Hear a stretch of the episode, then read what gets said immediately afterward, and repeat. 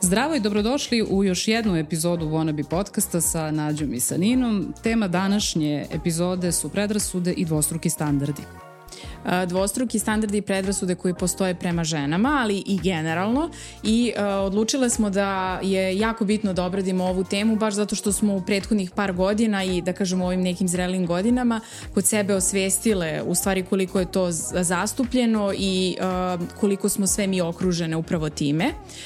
I ovu epizodu podržao je brand L'Oreal Paris.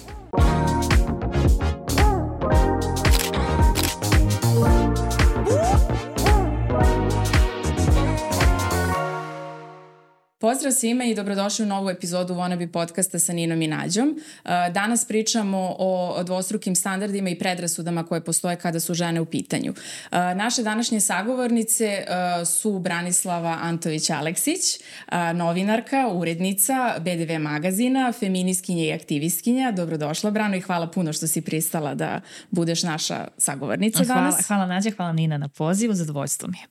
I uh, osim uh, Brane, tu je i Hristina Cvetinčanin uh, Knežević, jesam dobro rekla? Jesi, jesam. hvala. Uh, so, sociološkinja koja vodi profil uh, Feminizam iz teretane.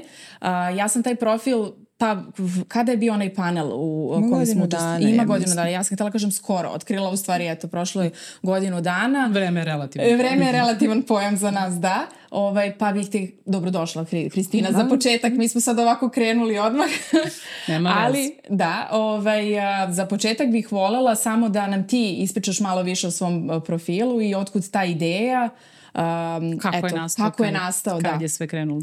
Pa profil je nastao, mislim da ćemo još malo da slavimo i treći rođendan.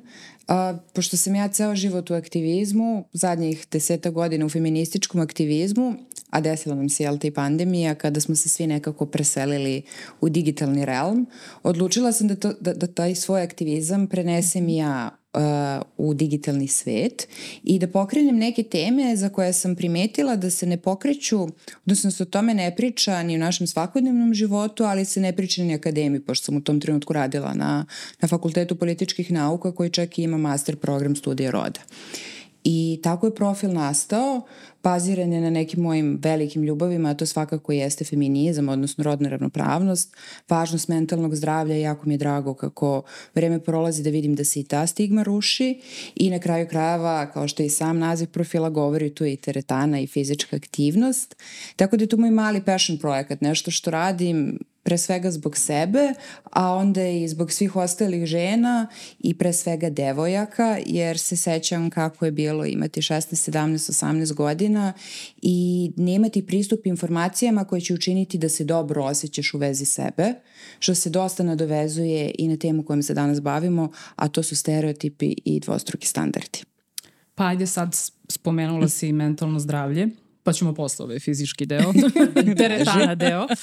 Uh, ko je bi onako, kad bi, ajde da malo obrnemo laički pristup, ajde. da bude, da probamo ljudima koji nisu upućeni toliko i nemaju baš, nisu čitali neke stvari ili se jednostavno nisu time zamarali, ajde tako da, da počnemo od toga. Što su one prve, kad pomisliš kad je mentalno zdravlje u pitanju, koje su to prve predrasude koje postoje kod žena, a koje su kod muškaraca? Pa za ženu bi rekla da je histerična, Da, I to zaista istorija pokazuje kako se histerija zloupotrebljavala da bi se žene kontrolisale.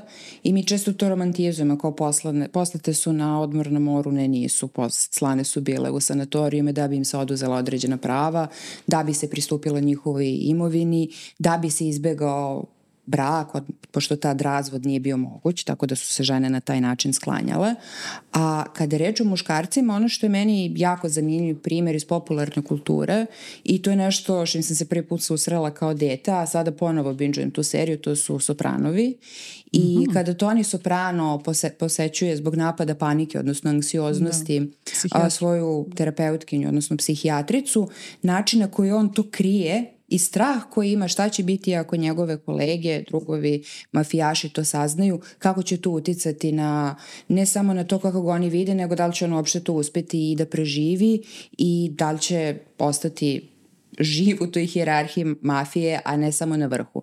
Tako da ima, stigma radi sa obe strane, a, s tim da je razlika da se protiv žena to na neki način veponizuje, odnosno pretvara se u oružje, dok a, muškarci to kriju, oni čak nisu ni došli do tog stepena kada to može da se protiv njih zloupotrebi. I Sopranovi to super i pokazuju kada on ima takva razmišljanja. On se ne pita da li će neko misliti da sam ja lud, nego se pita da li će me neko ubiti. A zašto je ošte toliko mentalno zdravlje i dalje tabu? Jer meni je bilo fascinantno, Lady Gaga je, sad to neisto vremenski imam problem da lociram kad je to bilo, da li je bilo pre dve godine, mislim da je već krenula pandemija kada je ona sa oprom imala u nekoj areni, onako vrlo javan razgovor na temu svojih uh, bolesti koje ima. Ona je preživela i pretrpela seksualno zlostavljanje. Uh, mislim da je baš silovana bila i da je to trajalo i par dana, mislim da je ona o tome i pričala. I njeno telo je to, ona nije mogla, ona imala, odmah je krenula turneja i ona nije mogla uh, E, nije žala uopšte time da se bavi, nije tela da priča ko je u pitanju, htela je da izbegne celu tu situaciju i onda je e, vremenom joj je počelo telo da, sad ja tačno ne znam koja je to bolest i koji su joj se nervi, šta se tu povezalo i tako dalje, koja vrsta traume se desila, ali ona je imala problem fizičke prirode nakon toga. X godina kasnije je to počelo da se odražava. Sad je to njo, ona je sama kaže ja ne mogu da ustanem bez da popijem uh, određenu količinu lekova i da funkcioniš funkcionišem. Uh, ona je baš i onaj dokumentarac Super Bowl, na primjer, mm -hmm. tu govori kolike bolove ona trpi, a ti bolovi su u stvari vezani za njeno mentalno stanje. Tako da, zašto je to toliki problem? Šta mi, mislim, svi znamo, znači ono danas ne smeju ljudi da kažu da piju bromazepam, da piju bensedin, ne smeju da se požale uopšte da su, ne daj Bože, koriste bilo šta. Mislim, to su neke ono, svi mi koristimo... Pa ne nek... samo da koriste, nego više u smislu da li imaju neko oboljenje, da li osjećaju anksioznost, da li su u depresiji, da li uh, apsolutno bilo koje stanje, ako pričamo kao takvo, se onda, mislim, dovodi se u mm. pitanje mnogo toga. Mislim, šta vi mislite o tome? Da? Um, ja, ja mislim kao neko ko je i tekako imao problema tog tipa Sam još da. od 13. godine, ja imam takozvani anksiozni poremećaj, mada i kompulzivno obsesivni, što sam tek naknadno, naknadno otkrila, jer zapravo anksioznost je posledica obsesivno-kompulzivnog, koji se kod mene manifestovao kroz intruzivne misli.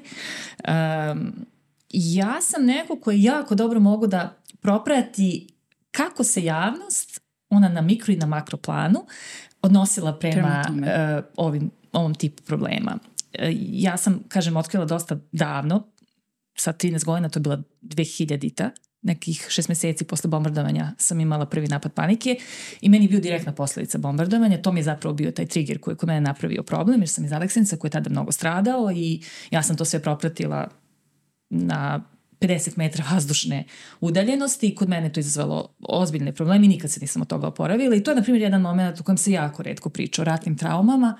Apsolutno to niko ne spominje, posebno ne spominje niko ratne traume onih koji su bili pogađani ratom, ne onih koji su bili učesnici u ratu, jer ajde možda se nekad ispomene posttraumatski sindrom kod onih koji su bili učesnici rata, ali evo nas koji smo bili dakle izloženi tome, to je redko se spominje. Čak sam i ja kroz dva ciklusa psihoterapije koje sam prošla, redko su čak mm, psihoterapeuti odnosno u mom slučaju psihoterapeutkinje, htele da mnogo se analizira taj deo. Više smo se vraćali na neke ranije momente u mom životu u kojima zaista ne bilo nikakvih trenutaka. Ok, možda nešto transgeneracijski preneto, ali konkretno kod mene je zaista ratna trauma bila jako uh, onako prisutna i dan danas imam momente da sanjam rat koji se ponavlja, bombardovanje i tako dalje. I o tome se jako malo priča.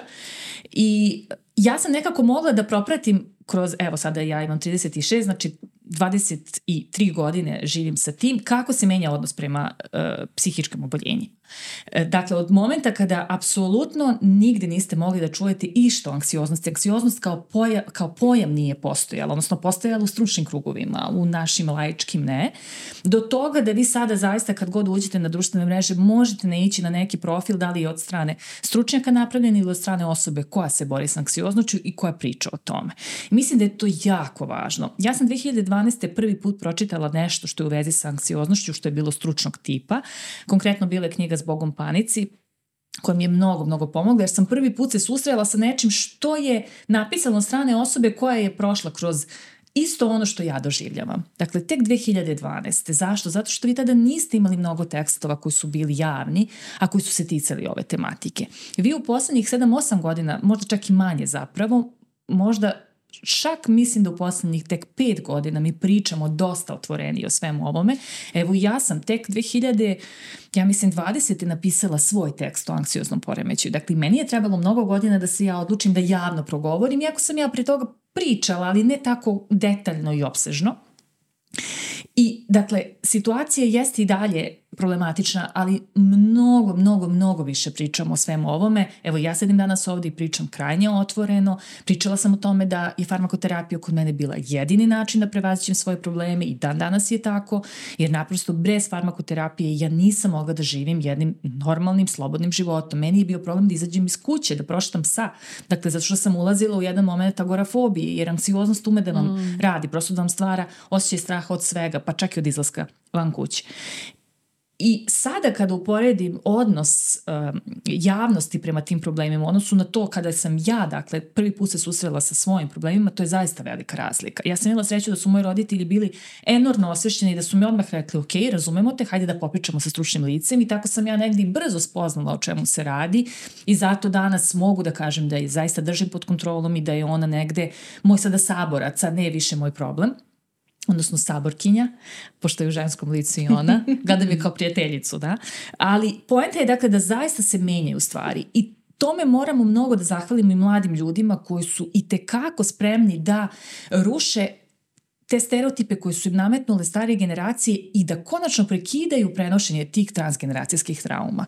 Da one, da one, to su sad generacije koje kažu čekajte, ajde da vidimo šta se to nama dešavalo u prošlosti, ajde da zaustavim to što i na mene preneto.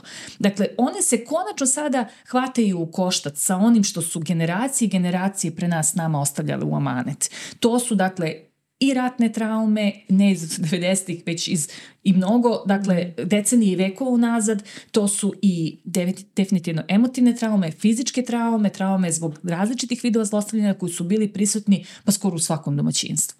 Zaista se može reći skoro u svakom. Prosto način na koji se um, taj porodični život odvijao u ovim podnebljima je sa sobom nosio tu dozu agresije, dozu određene negativne energije, koja možda nekad nije odlazila u pravcu fizičke agresije, ali je obavezno bila prisutna u, u, u formi verbalne agresije. Mm. I to čak koliko god da, da smo mi ubeđeni da su, ne znam, naše mame ili bake živile nekim uh, korektnim životima u tom smislu sigurno su naše prabake imale neki problem. Možemo da garantujemo. Moja prabaka je, na primjer, izgubila petoro deca u par dana od šarlaha i ona ih je sama sahranila. Moj pradeda tada u tom trenutku nije bio kod kuće i kad se vratio, on je nju samo zagrlio i rekao, Đuka, bit će sve, ok, bit će još dece. I to je trauma. Dakle, ona je sama sahranila petoro dece. I ona nije trpela fizičko zlostavljanje mog deda, oni su se voleli, ali on nije bio tu I niko nije razumeo da je ona majka koja je u kući, u dvorištu iza kuće ima pet grobova. Niko se nije bavio time. Pa ne treba da, ne smeš nikada da se žališ. To je Tako onaj je. moment. Ne znam, uh, kad, apropo anksioznosti, ja sam konkretno imala situaciju da smo morali da pređemo iz Zagreba u Beograd zato što svojeno lice, 90, 90. čuvene, 91. godina, ja jesam doživala tada određenu vrstu traume, ali ti kada, dobro, ja konkretno imala sam razumevanje i radila sam na tome, osvestila sam to kod sebe i šta sam sve prošla i meni je dugo trebalo da se uklopim. Mentalitet se promeni, jedna škola, druga škola, bila sam stvarno mala, ja sam imala problem u govoru, znači koji mm -hmm. sam ispravila. Nije klasično zamuckivanje, na primjer, bilo, ali je bilo ubr jako ubrzano sam, bez daha, nisam uzimala dah. I des, desi mi se i dan danas da nekada zatrokiram. Mm. Tako da to je nešto što opet deca imaju tu vrstu problematike u govoru i zamuckivanje i kad su nesigurna i tako dalje, to sad ono. Ali e, zanimljivo je ti kada pričaš o anksioznosti, danas to nekako dosta ljudi, svi su nešto, sad malo to previše svi koriste, previše su svi pod da. stresom, da. sad previše su svi anksiozni i tako dalje i uh, čini mi Ali, se da... Ali izvini što te prekidam, mislim da i nije da mnogi preteruju, mislim da je zaista i anksioznost ne, jeste. kao pojava i tekako Ali prisutna. opet imaju stav šta se žališ. Znaš ono kao šta sad ti tu? Mislim, toliko se bitnih stvari dešava, radi i tako dalje. Znači ono, imam, uvek ima nešto bit. To je makar nekako čini mi se da postoji u našim porodicama i u tradiciji da ti moraš da istrpiš. Mm. Moraš, kao, nemoj da se žališ za svaku glupu, stvarno, ono, nemoj te bude sramota. Kao, to ti ono kad se dete malo udari što plačeš. Znaš, ono, nemoj, ja šta sad tu, tu plačeš, ajde, ajde ti to možeš. I jeste da mi treba da se čeličimo. Ne kažem da treba svi da budemo razmaženi i da našu decu, ja isto moje deci tačno mogu da procenim kada je razmaženi moment, a kada treba da ovaj, zagrlim, da Sedneš kažem... i popričaš. Jeste, sedneš, popričaš. Nekad ih i pustim da bude drama, nema veze, bude mi slatko. Znači, nek plaču, udarili su se ono, komarci, ih je ujo, ajde da plačemo zajedno, nekada i to pustim. Ove, sve dok je, ove, dok osjećam da je njima to potrebno ili da im znači i tako dalje, ali da, ja nisam za to da sad moramo svi da budemo čvrsti, ali negde možda to ima veze sa tim koliko smo mi kao nacija imali ratova, svega i nekako su svi navikli da trpe i da moraju da izdrže. Muškarci su odlazili u rat, žene su sve radile same. Je li tako bilo? Tako Pogledajte generacijama unazad i to, je pre, to se prenosi. To je ono A, zavika. ali mislim da se tu prekida. Ne znam da li se Hristina slaže. Pa, mora Mislim da se dolaze prekida, ta- mora, to je generacije me- koje žele to da prekinu. I zato baš spominjem mlađe generacije koje vrlo otvoreno pričaju o svojim mentalnim problemima i baš često i javno. To psiholozi, izvini, meni je psiholog žena rekla ti moraš da budeš ta koja će to da prekine i određene stvari neće preneti Tako je. na svoje, svoju čerku i na svoju decu. Ja bi tu dodala da na prvom mestu postoji odgovornost za sobstveno mentalno zdravlje i mislim da je to nešto što svako od nas treba da preuzme. E sad, sociološkinja u meni mi stalno skreće pažnju apropos ovoga što, što si rekla da se možda preteruje, pa, pa se Brana uključila. A, činjenica je da mi sada živimo zatrpani informacijama i nama pozornost mora stalno da bude mnogo, na mnogo većem nivou nego pre 10-20 godina. Mislim, ja se sećam, ja sam odrasla sa dial-up internetom.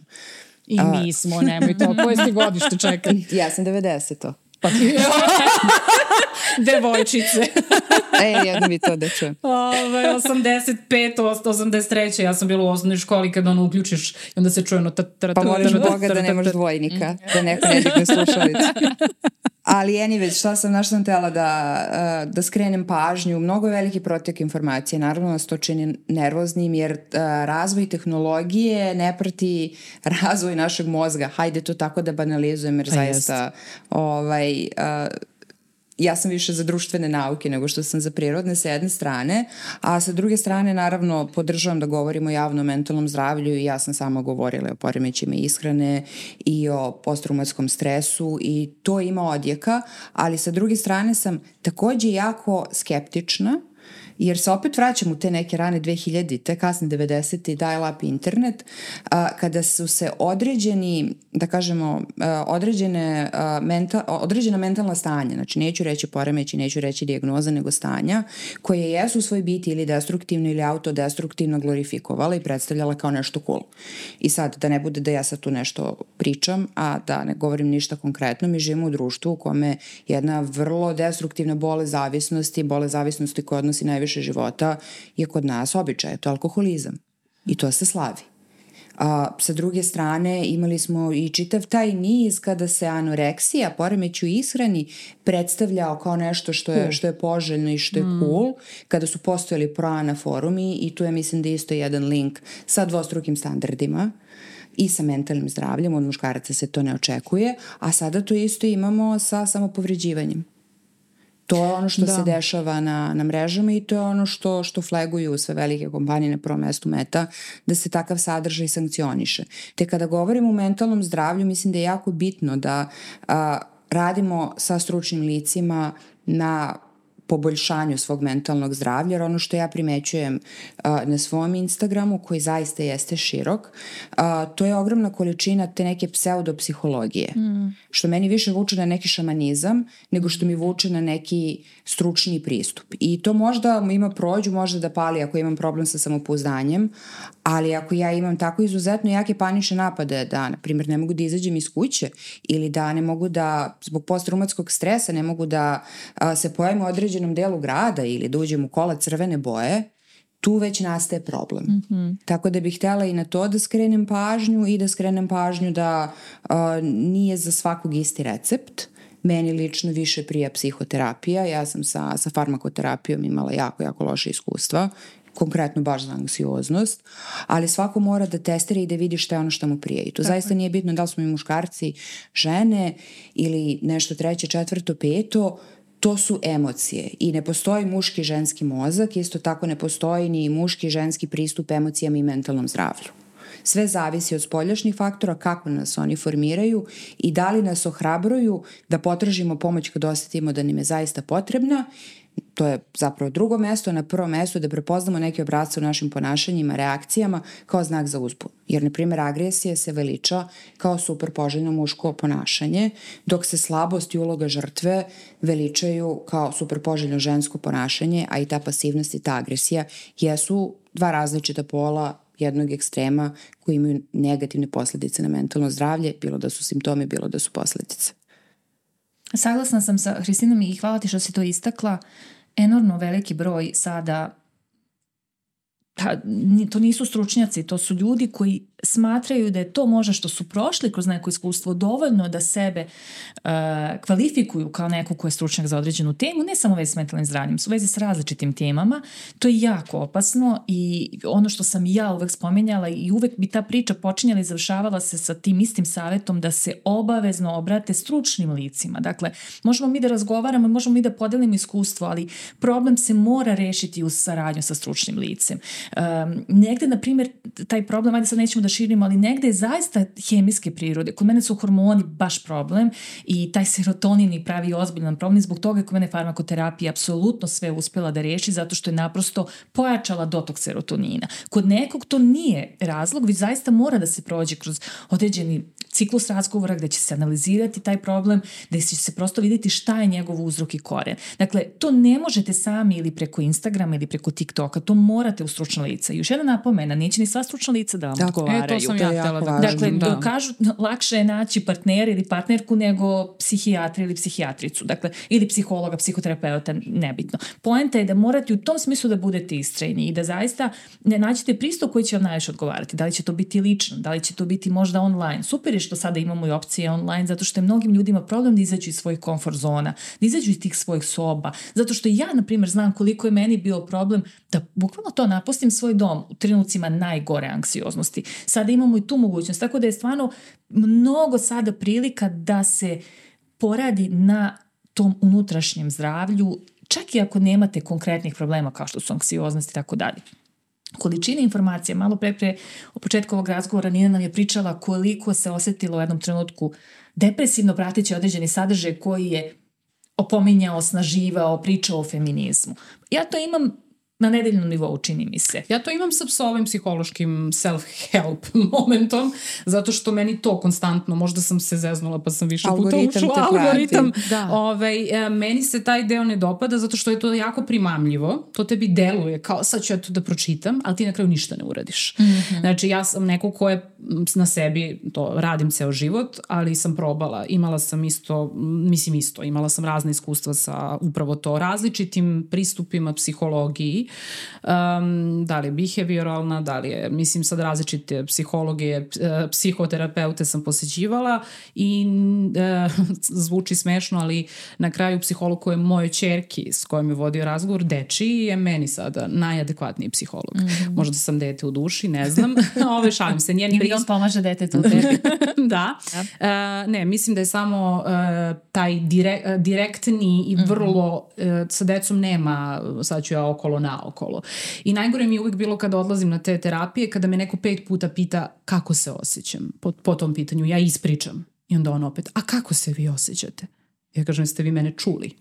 I ako mora da pročita svoje beleške svaki put, i ako nije, e, kao da nije prisutan i kao da svaki put iz početka vrtim jednu te istu priču, dok sam prvi put sada doživala to da neko kao da ono, upo dana, upo noći, stvarno ne znam da li neko ima toliko dobru memoriju, mm. ovaj, da li je stvar toga ili jednostavno deluje zainteresovano, ali ona stvarno žena deluje kao da je zanima i da se unosi.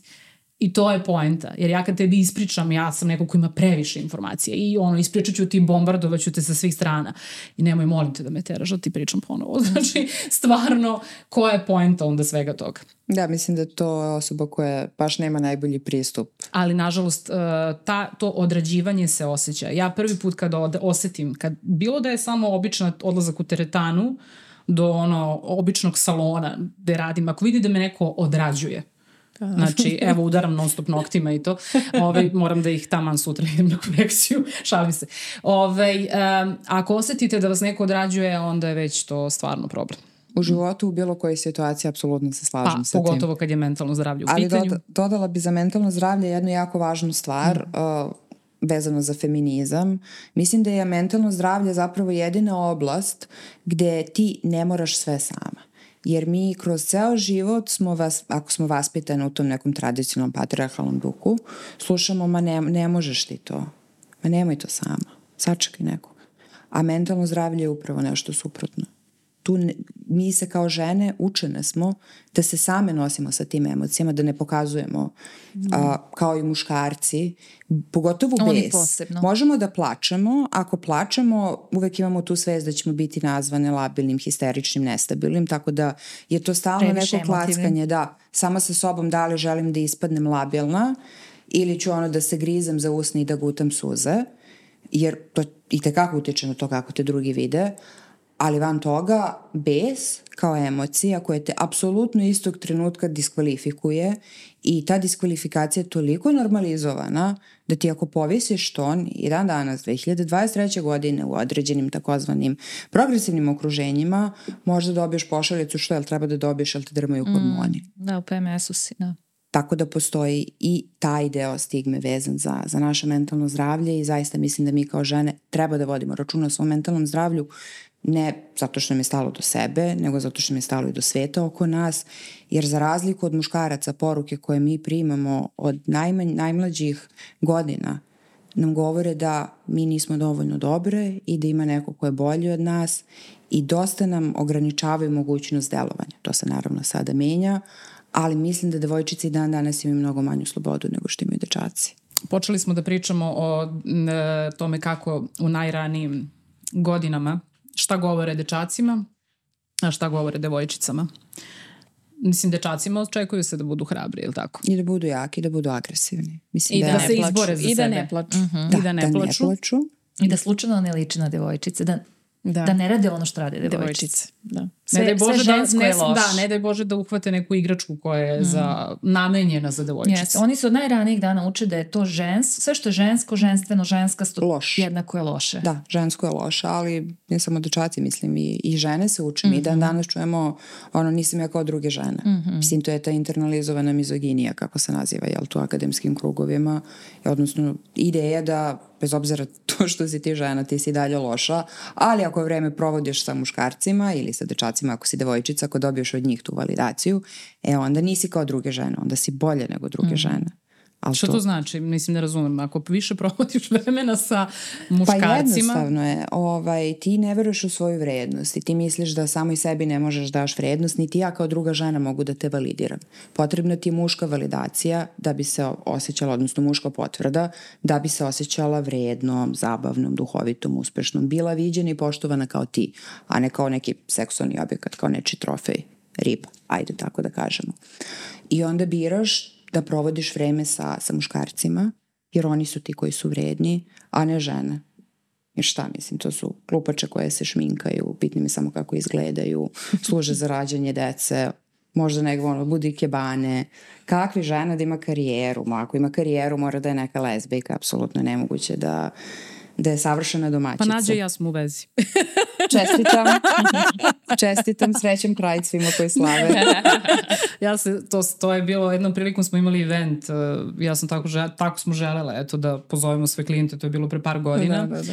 Uh, Nati si tada ostala trud, mislim, bila si u prvim mesecima trudnoće.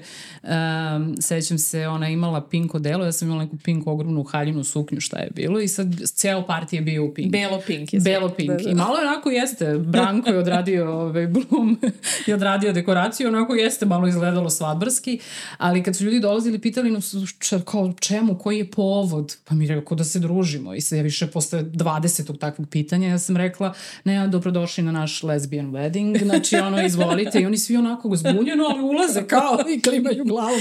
Tako da, ovaj, to je to, nas dve, to nismo se posvađale, 13 godina, inače E, kad to... smo kod te vrste predrasuda. Predrasuda, da, to je vrlo Žene u poslu. Žene u poslu. A, da li vi verujete da ljudi su bukvalno navijali godinama i čekali taj trenutak kada ćemo nas dve da prekinemo saradnju? Dobro, ali to je klasičan, da kažem, skript. A što? Klasičan skript, pa kakva smo mi žene, mislim patriarchalni skript, da se odmah ograničim. Kakva smo mi žene ako ne vadimo jedno drugoj oči, ako međusobno ne spletkarimo i ne podmećemo noge. To jesu dupli standardi načina koji u popularnoj kulturi su predstavljena muška prijateljstva i načina koji su predstavljena ženska. Mahom su ženska ovo što ja pričam. Što si mi skinula dečka, kreće se negde tako u srednjoj školi, pa se onda dalje ovaj, nadograđuje dok su muška prijateljstva, ona prava, kumstva, se pobratite. Nisam čula da je neko rekao da se neko posestri, ali pobrati da, tako da ima i tu duplih standarda. Jednostavno sad kad bismo krenuli da pretresamo apsolutno svaku sferu života, ono šta smo odradile od jutros kad smo otvorila oči pa do trenutka kad smo se našla ovde sigurna sam da bismo za svaku našli neki dupli standard jer je to toliko utkano u to neko društveno tkivo naše svakodnevne živote da mi to uopšte ni, ni više ne prispitujemo. Dobro, stvarno ne registrujemo, uopšte nismo osvestili. Kad meni je žao što ja osjećam kod sebe i dalje, meni treba vremena da... To je okej. Okay. To je okej. Okay. Mislim, žao, meni je žao što nisam reagovala sad kad se setim svih situacija od ranije, sad mi je žao što nisam... A nisi bila osnažena? Možda nije bilo vreme da reaguješ. Da, ali, Moraš... ali stvarno mislim da je to osnaživanje zapravo. I to je ono što mi sad i ovde radimo, što smo mi prošle taj, taj proces i te cikluse osnaživanja, kada ti zapravo dobiješ potvrdu da to što se tada dešavalo nije bilo u redu i ako si ti mislila da nije bilo u redu, ti si opet istovremeno gušila u sebi taj osjećaj. Yes. A sada ti je stigla potvrda, ne, to zaista nije bilo u redu i evo, dodatnog objašnjenja zašto to ne je bilo. Ja ću sada kada mi neko kaže nešto, tačnije to sad radim u poslednje vreme, ja sam u fazonu pazi šta pričaš, ja odmah ljude onako na fino upozorim, znači onako lepo mu, od uvek tom nekom muškarcu ili ženi, ako nešto kaže, ja odgovorim. Mislim, prosto sad je postalo već jače od mene i neću prećutati. Ili ću prećutati ako stvarno nemam, mislim da je nebitno i da vidim da nema poente. Uh, ali ranije mi bude neprijatno. Ja se sećam tih svih osjećaja. Bude ti loše, osjećaš se, ne smem da kažem, kao bip, kao uh, uh, stvarno mi bude, oč osjećam se očajno, a ne znam zašto se osjećam očajno. Ali ja mislim da je neophodno da se ti osetiš toliko loše da bi bila u tački u kojoj si sad ovde. Ja mislim da je to neka prirodna geneza, kao ne znam, kad se otruješ hranu mora prvo ti bude malo muka, pa se onda ispovrećaš. Isto tako kad se otruješ time da te neko stalno, mislim ne neko, nego da te društvo stalno ni podaštava samo zato što si žensko, mora da ti bude muka, pa ćeš onda da izbaciš sve to iz sebe. Ali ono što je meni ovde jako bitno da, da naglasim je to da um, vrlo često se javi ta krivica, a što nisam? Mogla sam, a nisam. Ne, nisi zato što u tom trenutku nisi bila spremna, zato je u tom trenutku si uradila maksimalnu stvar koju si mogla da uradiš za svoje dobro. Znači, uradila si najbolje što možeš. Bolje od toga nije bilo, jer ti nisi ista osoba sad i nisi tad. A, Upravo. Pogod, da. Mislim, ako govorimo o nekom skorašnjem vremenskom Prvo, periodu, ali ako govorimo da. u srednjoj školi, definitivno imaš mnogo više iskustva, znanja, promenila si se, samo znanje se stiče.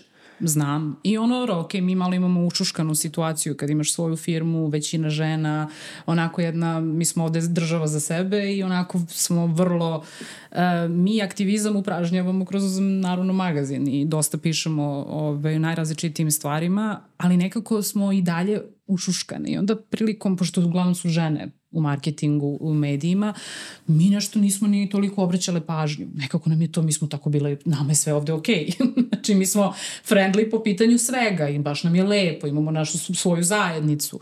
I onda su počele da se dešavaju to, ono, neko ti uđe sa strane, ove, i te nekad izađeš iz svoje zone komfora u stvari. I nekog I svog okruženja najbližeg, pa onda u stvari yes. shvatiš da to što ti imaš svoje neki, ono što ti kažeš mikrosvet u kome je se, je sve, je sve okay. kako treba da bude po pitanju bilo kojih prava, da ne postoje razlike među polovima, u tom nekom smislu da mi ljude, mislim, ako gledam iz perspektive da. po, poslodavca, ja gledam tvoj rad, mene, mislim kako bih rekla, mene pol niči ne interesuje i tako dalje, da je sve prihvaćeno, da je sve okej, okay, da se trudimo da napravimo uh, neku, neko lepo okruženje, da ih zaštitimo, da ne dolazi puno nekih, ako je ne znam ovakav onakav komentar klijent, klijenta i to, ali onda um, ne znam, kada uradimo nešto što ima neku aktivističku notu, uh, naša pu publika svakako na magazinu jeste i obrazovana i uh, kako da kažem, tačno vidiš da su to ljudi koji uh, dele neka naša na, načela, vrednosti, interesovanja i slično, ali desi se tako da neko, što se kaže, zaluta kada imamo neku bilo koju temu ovaj, i Imali vidiš po komentarima. Da. da, da. I to ovaj, vrlo žena. I da, to je ono što moram da onako, kažem. To je ta internalizovana Ovaj, mizoginija priča iz jeste. njih. I Ja iskreno da Ali budem... po pitanju Prajda nisam očekivala, iskreno. Pa Što to, nisi je isto sve, to je baš isto sve Pa pa, ne, ali... Dobro, mislim, ona je isto u svom, mi smo u svom svetu, nama je sve okej. Tako da, ovaj, kada vidiš, na primjer, imali smo neku si- situaciju da ljudi otpraćuju, nisu sad, ja kažem, to nisu naši fanovi treba da nama. vas ti- ja i to kažem, oni Nije treba da nas otprate jer njima nije mesto kod nas.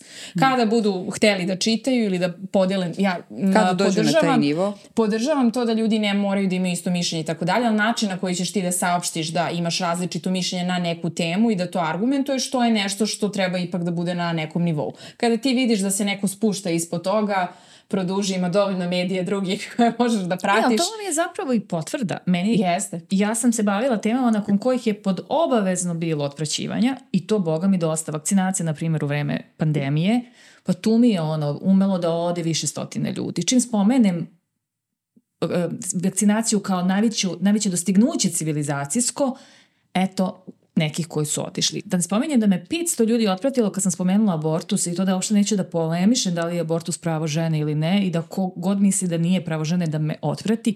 500 ljudi, ne zaboravite, to su ljudi koje sam ja takođe smatrala vrlo obrazovanim i osvešćenim. I moguće je da su oni vrlo obrazovani, ali osvešćenost ne ide uvek uz obrazovanje, nažalost. I to je meni sasvim bilo okej. Zašto? Zato što je to prostor koji ću ja uvek voditi prema svojim načelima. I to je ona sloboda koju su nam dale društvene mreže. Da se mi ne prilagođavamo ničoj uređivačkoj politici i da ja apsolutno uvijek imam slobodu da kažem ono što do kraja mislim. Bez obzira da li će to uticati na moj klijent ili na moju publiku. Mene to ne interesuje. Šta više, moj aktivistički uh, sadržaj je meni mnogo više doneo nego što mi je oduzeo i to je meni takođe jedno veliko zeleno svetlo i potvrda da ipak idemo ka nekim um, boljim vremenima, jer uh, sam sigurna da se to pre 10 godina ne bi desilo. Ne bi se ja ni dotakla tih tema, plašeći se da nije mesto uopšte na društvenim mrežama. Ali samo bih da se na kratko vratim na ne, nešto što je Kristina rekla. Dakle, mm, interesantno je da opet ako pričamo o mentalnom zdravlju, žene, posebno feminiskinje, najviše pričaju o mentalnom zdravlju muškaraca. Dakle, one se najčešće bave time i objašnjavaju kako je patrijarhat uticao negativno na mentalno zdravlje muškaraca i zbog čega su te ti inputi koje oni dobijaju od kako su mali negativno uticali na njih u odraslom dobu zbog čega oni dan danas se plaše da traže pomoć lekarsku, da traže pomoć psihoterapeuta, da traže bilo kakav vid pomoći. Pa vi zato imate i mnogo veći broj suicida muškoj populaciji, takođe imate veći broj kardiovaskularnih oboljenja i ako verujete imate veći broj, na primjer, utopljeništva među muškarcima zato što ne žele da stave pojas za spasavanje. Jedan banalan primjer, ali zaista to su istraživanja pokazala. Određenim muškarcima je bilo ispod časti da obuku pojas, odnosno prsluk, pardon, za spasavanje. Dakle, dokle ide taj taj utisak da ako pokažu i ole slabosti, bit će slični ženama, znači bit će preslabi za svoje okruženje i svoju okolinu. E, mislim da je jako važno i da sa te strane shvatimo koliko je patrijarhat uticao negativno i na njih, ne samo na nas.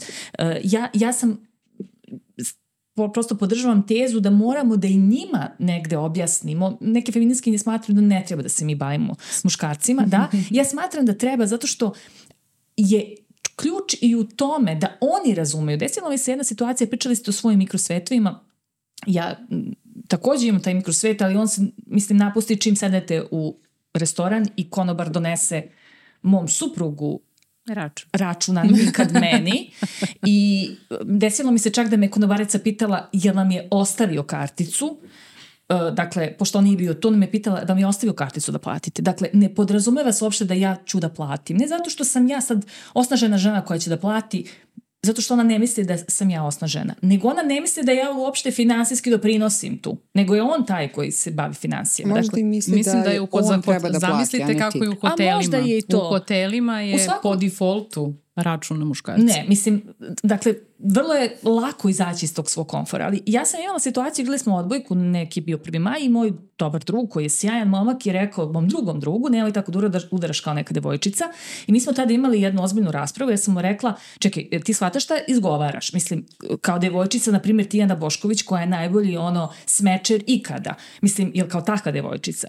I onda je on rekao meni par nedelja kasnije, par meseci, ej, znaš, hvala ti, nikad nisam razmišljala na tu temu, a evo, baš sad razmišljam da više nikad ne izgovorim tako nešto. Da, zato što ti muškarcima koji su nama već neki saborci je malo potrebno da bi nam postali pravi saborci, a mislim da su nam bitni za ovu borbu. Uh, mislim da ja ne bih bila sigurno mislim, bila bih, ali sigurno da, da, da bih imala neku zadršku da ja pored sebe nemam feministu zapravo ne bi nikad bilo u braku sa čovjekom koji nije feminista, ali to što je moj muž feminista i to što on kaže da je feminizam najnormalnija stvar i on smatra, on kaže, ja ne mogu da shvatim kao, feminizam je normalnost, kao, ne znam zašto se kao toliko nerviraš, svako ko nije feminista, on nije normalan. On je stvarno meni definisao feminizam najbolje, to je normalnost, to je ono što, što treba da bude normalno stanje stvari. Znaš šta, ima jako mi je važno jeste. što je on takav. Važno jeste. mi je što moj partner tako razmišlja i ne bih hvala da ga isključim iz te borbe. Ali ja mislim da oni nisu, znači oni uh, konkretno ne vole, oni su čuli da taj feminizam nešto, znaš, to nije lepo prikazano. Zato treba da se objasni Upravo. i njima i svima i drugim ženama koje ne smatraju da, da koje smatraju da je feminizam nešto neki tabu kojim se bave samo neke ružne ja debele zašto. Ajde, žene pa 70 zla feminiskinja da, da dobije vaša izabrana zla feminiskinja da dobije reč Ovaj, mislim, slažem se Brano sa tobom, ali sa druge strane, iz pozicije zle feministkinje, a, ono što je meni tu ključno, a to je da mi vekovima, mi žene preuzimamo taj emotivni rad. Jeste, to je tačno. Tu brigu da. oko muškaraca. I baš kad pričamo o kontekstu feminizma gde mi živimo u poredku gde ono, imamo bukvalno crno na belo procente i statističke podatke Kad, na primjer, govorimo o razlikama u plati za isti posao, kad govorimo o tome da više žena završava fakultete, upisuje čak i doktorski studija, kada gledamo ko je zaposlen na tim fakultetima, pa muškarci, pa kako nešto tu ne pije vodu. Znači, činjenica da mi živimo u sistemu koji više ide na ruku muškarcima nego ženama. Sad, to što mi imamo pravo glasa i što ne može otac da nas proda za pet krava i tri bika, super napredovali smo, ali kao i dalje nismo dostigle taj nivo da smo zaista izistinski ravnopravni muškarci i žene. A, sa druge strane, taj moment da ja treba da igram prosvetiteljsku ulogu, na kraju krajeva možda i neku majčinsku ulogu muškarcima i da ih prosvetljujem i objašnjam šta je feminizam, ja da sam muškarac, mene bi to vređalo. Mene bi zaista to vređalo i bi to dalje impliciralo da ja nemam dovoljno razvijen kognitivni aparat da shvatim šta je u redu, a šta nije u redu. U tom smislu mislim da postoje muškarci kojima je sasvim jasno šta je feminizam i oni će se boriti za taj feminizam. Pre svega zato što ne žele da podržavaju sistem koji drugom ljudskom biću nanosi bol, patnju i čini zlo i da budu bukvalno saučesnici toga. Ali sa druge strane postoje i muškarci kojima je vrlo jasno kako oni mogu da iskoriste taj sistem na svoju ruku i kako mogu da se provuku i da profitiraju. I Kao sad, na primjer? Kao na primjer, evo, naj, naj, najbrutalniji mogući primjer nasilja u porodici. On je ugledan profesor. Ona ga je mm -hmm. prevarila, na primjer. Ili alimentacija ili ima milion, milion primjera na koji muškarci mogu da profitiraju od ovoga. Od toga da budu bolje plaćeni za veći posao, od toga da a, će pre dobiti radno mesto nego žene u reproduktivnom periodu, iako su i oni u reproduktivnom periodu. Do toga da a, kada govorimo, ajde kad smo se već uhvatili reproduktivnog perioda, a, brige o deci, koliko očeva uzima porodiljsko, koliko na kraju krajeva kada dete dođe na svet, koliko su očevi involvirani, a koliko su majke involvirane. I zašto roditelji ne treba da budu podjednako involvirani, jer, jer to njihovo zajedničko dete, to nije moje dete. A moje više, njegovo manje, ne, to je naše dete. Tako da... Tata samo pričuva ponekad. da. I pomogne, čast pomogne. Svak pomogne, pomogne, pomogne, babysituje. Da. Na dva Sad sata. se malo naježila, ali dobro. Hvala ti za ovaj uh, uh, uliv zlog feminizma u mene. Ali ako smem samo se. da odgovorim, prosvetiteljstvo je bilo vrlo važno da i mi osvestimo feminizam. Jeste, ali oni su svesni. Uh, ja, na primer, sam sigurna da smo mi sve u nekom trenutku, ajde neću opičam za Hristinu, ali evo ja za sebe mogu da kažem, za moje prijateljice, da smo sve u nekom trenutku u životu rekle aha, znači neka devojka je napadnuta, pa šta je radila s njim u dva ujutru u kolima? Ili sve, da. Znači sve smo mi to rekle. Feminizam nas je osvestio da ona nije kriva zbog toga jer smo mi učene. Ja mislim da je prirodno negde da osoba traži obrazloženje zašto se nekome to nešto desilo, da bi time zaštitila sebe i stvorila utisak da se to njoj neće desiti. Dakle, mene je feminizam prosve, prosvetlio i osvestio da ja ne krivim žrtvu. Ja sam feminizam otkrila u 20. negde sredinom 20. Nisam ga bila svesna ranije. Iako sam živjela u porodici gde je moja majka imala vrlo jasno i onako feministički jedan... Čekaj, ali je to baš mora da bude feminizam ili to je jednostavno ljudskost? Da, ja mi... Ja... Ne, ali pazi, mislim da smo mi sve i tekako imale taj moment Jedno izrađ... je pred, to je predrasuda. To je predrasuda i neznanje. Apsolutno, pazi, ali sve smo mi volili da kažemo kako se mnogo dobro slažemo s muškarcima. Ali jeste to feminizam, zato što ti je jeste. feminizam upravo vraćanje ljudskosti ženama. Znači, žene više nisu objekti, nisu alat, nisu trofeji. Žene su ljudi. E, to je feminizam, kada kažeš i žene su ljudi. Prosvetiteljstvo je, ljudi i žene kao je bitno i zbog žena i zbog muškaraca i zato mislim da je važno da mi stalno imamo tu prosvetiteljsku ulogu. Ne zato što ja sad sebe smatram drugim da Stevom Radovićem i zato što zaista mislim da mi jedne druge osvešćujemo. Ali... uh, ja, ja se slažem apsolutno ja podržavam Hristinin stav, ne kažem da je pogrešan, ja samo smatram da je sjajno što su neke žene htele da budu prosvetiteljke jer su mene prosvetlile, jer sam ja slušajući njih spoznala, jer sam sigurna da je tako bilo i mnogih muškaraca koji su rekli da, da, čeki, čeki, pa ovo ja što imam je zapravo privilegija o kojoj ja nikad nisam tako razmišljao. Ili ako ne razmišljaju oni sad, možda će sutradan kada budu imali svoju decu shvatiti da to što, na primer, neko drugo dete ima jeste muška privilegija, a njegova čerka nema zato što je devojčica.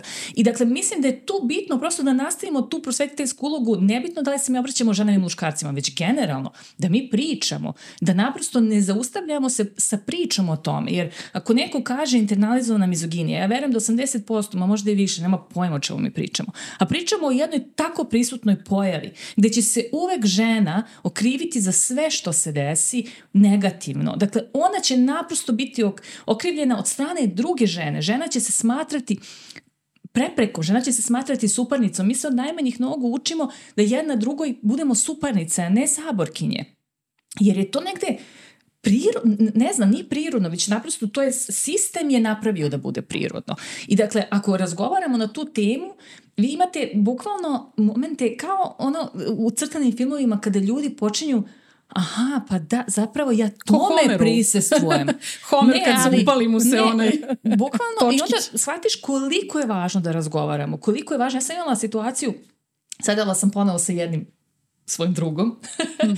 i pričali smo o Rambo Amadeusu i ono slučaju i veliki njegov fan i on je meni počeo da priča, on je izuzetan onako, jedan intelekt um, i sjajan momak, ali ja, ja slušam njegove fraze to su te fraze koje su svima onako bukvalno infiltrirane. Ja sam mu kroz 3-4 argumenta objasnila zašto je to problematično što je Rambo radio. Kroz argument, stvarno onako argumentovano, smireno sam mu objasnila I on je, ja sam videla kako njemu u mozgu počinju stvari da se kreću drugačije. Ja mu vidim na licu. I znam da sam tada otišla Aha, iz moment. njegovog stana, bili smo zajedno, suprug i ja kod njega, i otišli smo i ja sam mu rekla, rekao nisam, pošto naravno Nikola malo ne voli kad ja tako preterujem s tim, ti ima onaj tweet dobar kao propastim sva svoja porodična druženja svojim feminizmom and I like it. I stvarno je tako, ja sam ta koja tako ide i to baje. I on kaže, ne, ne, kao videlo se da je da, da, da je ono, da se zamislio. I smo pričali posle o njegove reakcije. I to mi je, to su te male pobede, jer to, to je to što, što su i oni naučeni toliko, ma mi smo naučene. Verujte mi da smo i mi naučeni i mi dan danas sigurno neke obrazce ponavljamo, a nismo ponavljamo. ih do kraja osvestili. E sad kad ste rekli tu, pričali ste o toj ženskoj međusobnoj mizoginiji. Da li to znači, pošto sad videla sam da si ti šerovala, jedna voditeljka naša poznata je komentarisala dužinu suknje, izgleda čega no, da, god i tako dalje. Ja. Ali da li postoji jedan moment, uh, to sad ispada da mi ne možemo da imamo mišljenje o nekom novonastalom trendu koji je neukusan, Znači, ne pričamo o tome, njena, njena argumentacija baš nije na mestu, jer kao, dečko te spopao zato što si seksi, ali mm. dobro, to mi je malo smešno, ali ovaj, uh, nas su isto, osvrnuću se na komentar, mislim da je Jelena Gavrilović u jednom od prethodnih podcasta iznala mišljenje I svi smo iznali mišljenje na temu plastičnih operacija i svega. Ja nemam ništa, opet smo se ogradile, nemamo ništa protiv. Meni se to lično određene stvari ne dopadaju estetike radi. I smatram da su neke stvari neukusne, ali ja nisam zbog toga to da vidim i na muškarcu, ja bi to isto rekla, mislim. Ali kad ti smeš da komentarišeš onda? Ja mislim da postoje teme oko kojih se ne diskutuje. Nasilje prema ženama je jedna od tih tema. Dakle, nema diskusije. Možemo samo da osudimo, možemo samo da pričamo o problematici. E, ne možemo mi da diskutujemo nasilju prema ženama.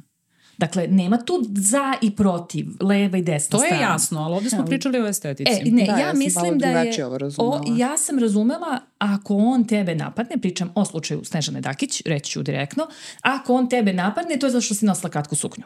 Dakle, ako on tebe spopadne, a ti kažeš, e sad ja neću, e pa ne može, neću, jer si ti njega izazvala tom kratkom Ne, suknjom. on te napao zato što je nasilnik, tačka. Tu Tačka, nema, tu diskusije.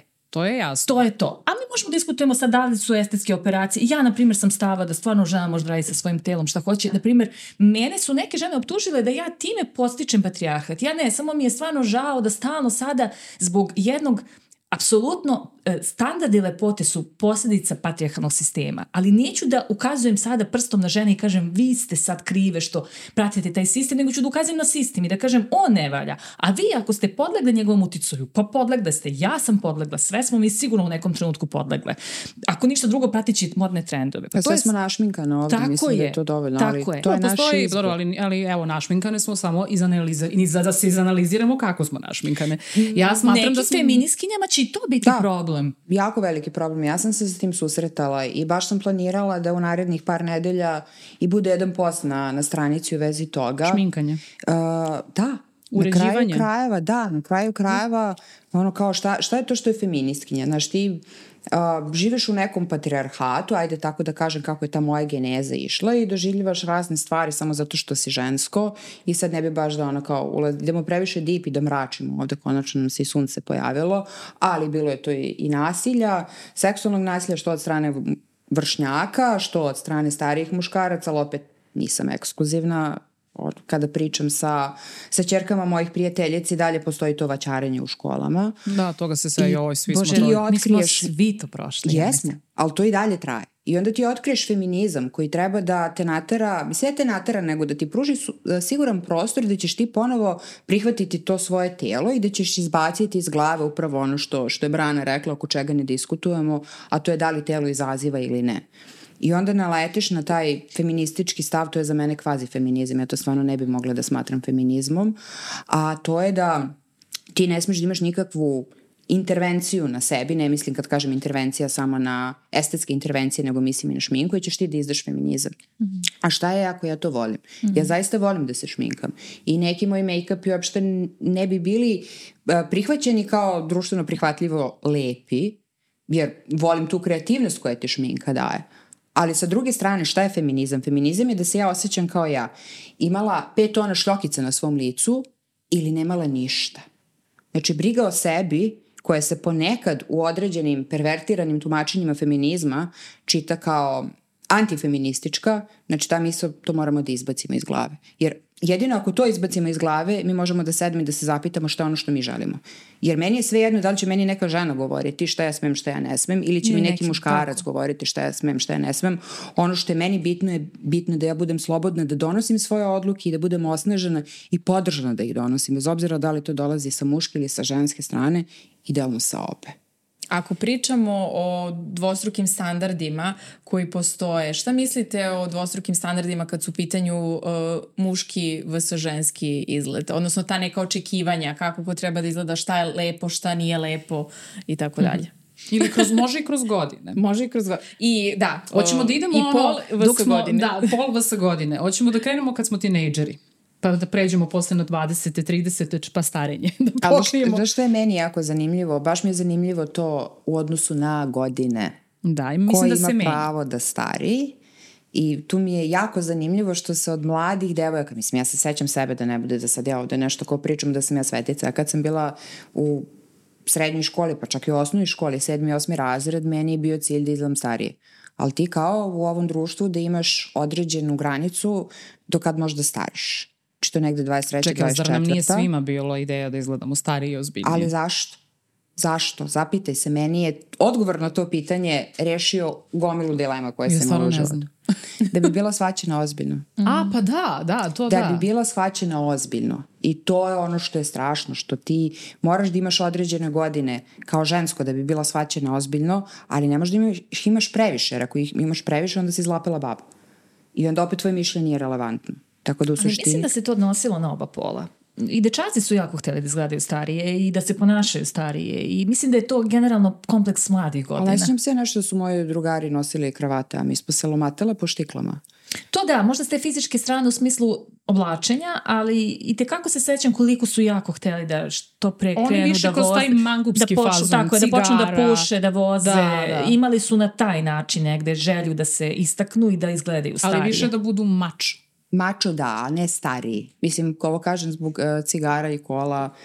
Možda smo mi neke kaubojke bile, ali to je nešto što, što smo i mi uklapali. Da, ali generalno mislim da je, da je taj, taj period negde, uh, taj osjećaj inferiornosti zbog Kad si godina, klinac, a sa da. druge strane imaš tu taj osjećaj i svemoći zbog mladosti, to je onako, to se malo potire i onda ti, ti si svesna da ne možeš sve prvenstveno iz financijskih razloga, a imaš potrebu, imaš energiju da učiniš toliko Mm. toga. I onda nekako tu nadomešćuješ, ako ništa drugo, tu svoju pojavu fizičku. Mislim da je s te strane, s tim da svakako, apsolutno stoji to da smo mi jako željne celog života da nas hvate ozbiljno. Da.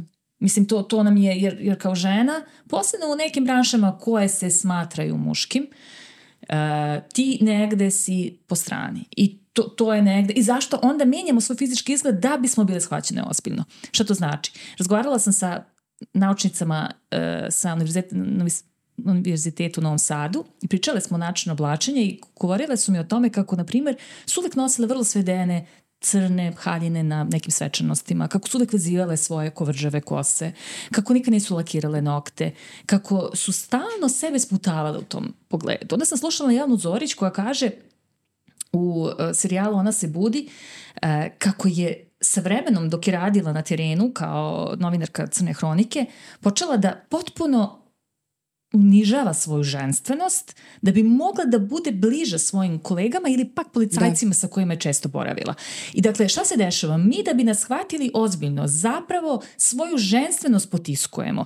Ja sam razgovarala često na tu temu sa svojim čitateljikama i neću nikada zaboravim, to je nešto što stalno spomenjem, čitateljiku koja mi je pisala da je imala problema sa glasnim žicama, zato što je u IT firmi u kojoj je radila bila okružena muškarcima imala je piskav glas i onda je menjala svoj glas. Bila je sitna, plavuša. Kako je menjala glas? Pričala je dubljim tonom glasa. Dakle, da bi bila shvaćena ozbiljnije. Jer kaže, uz tu moju pojavu i taj moj piskutav glas, ja sam bila detince u odnosu na sve njih, tako se osjećala.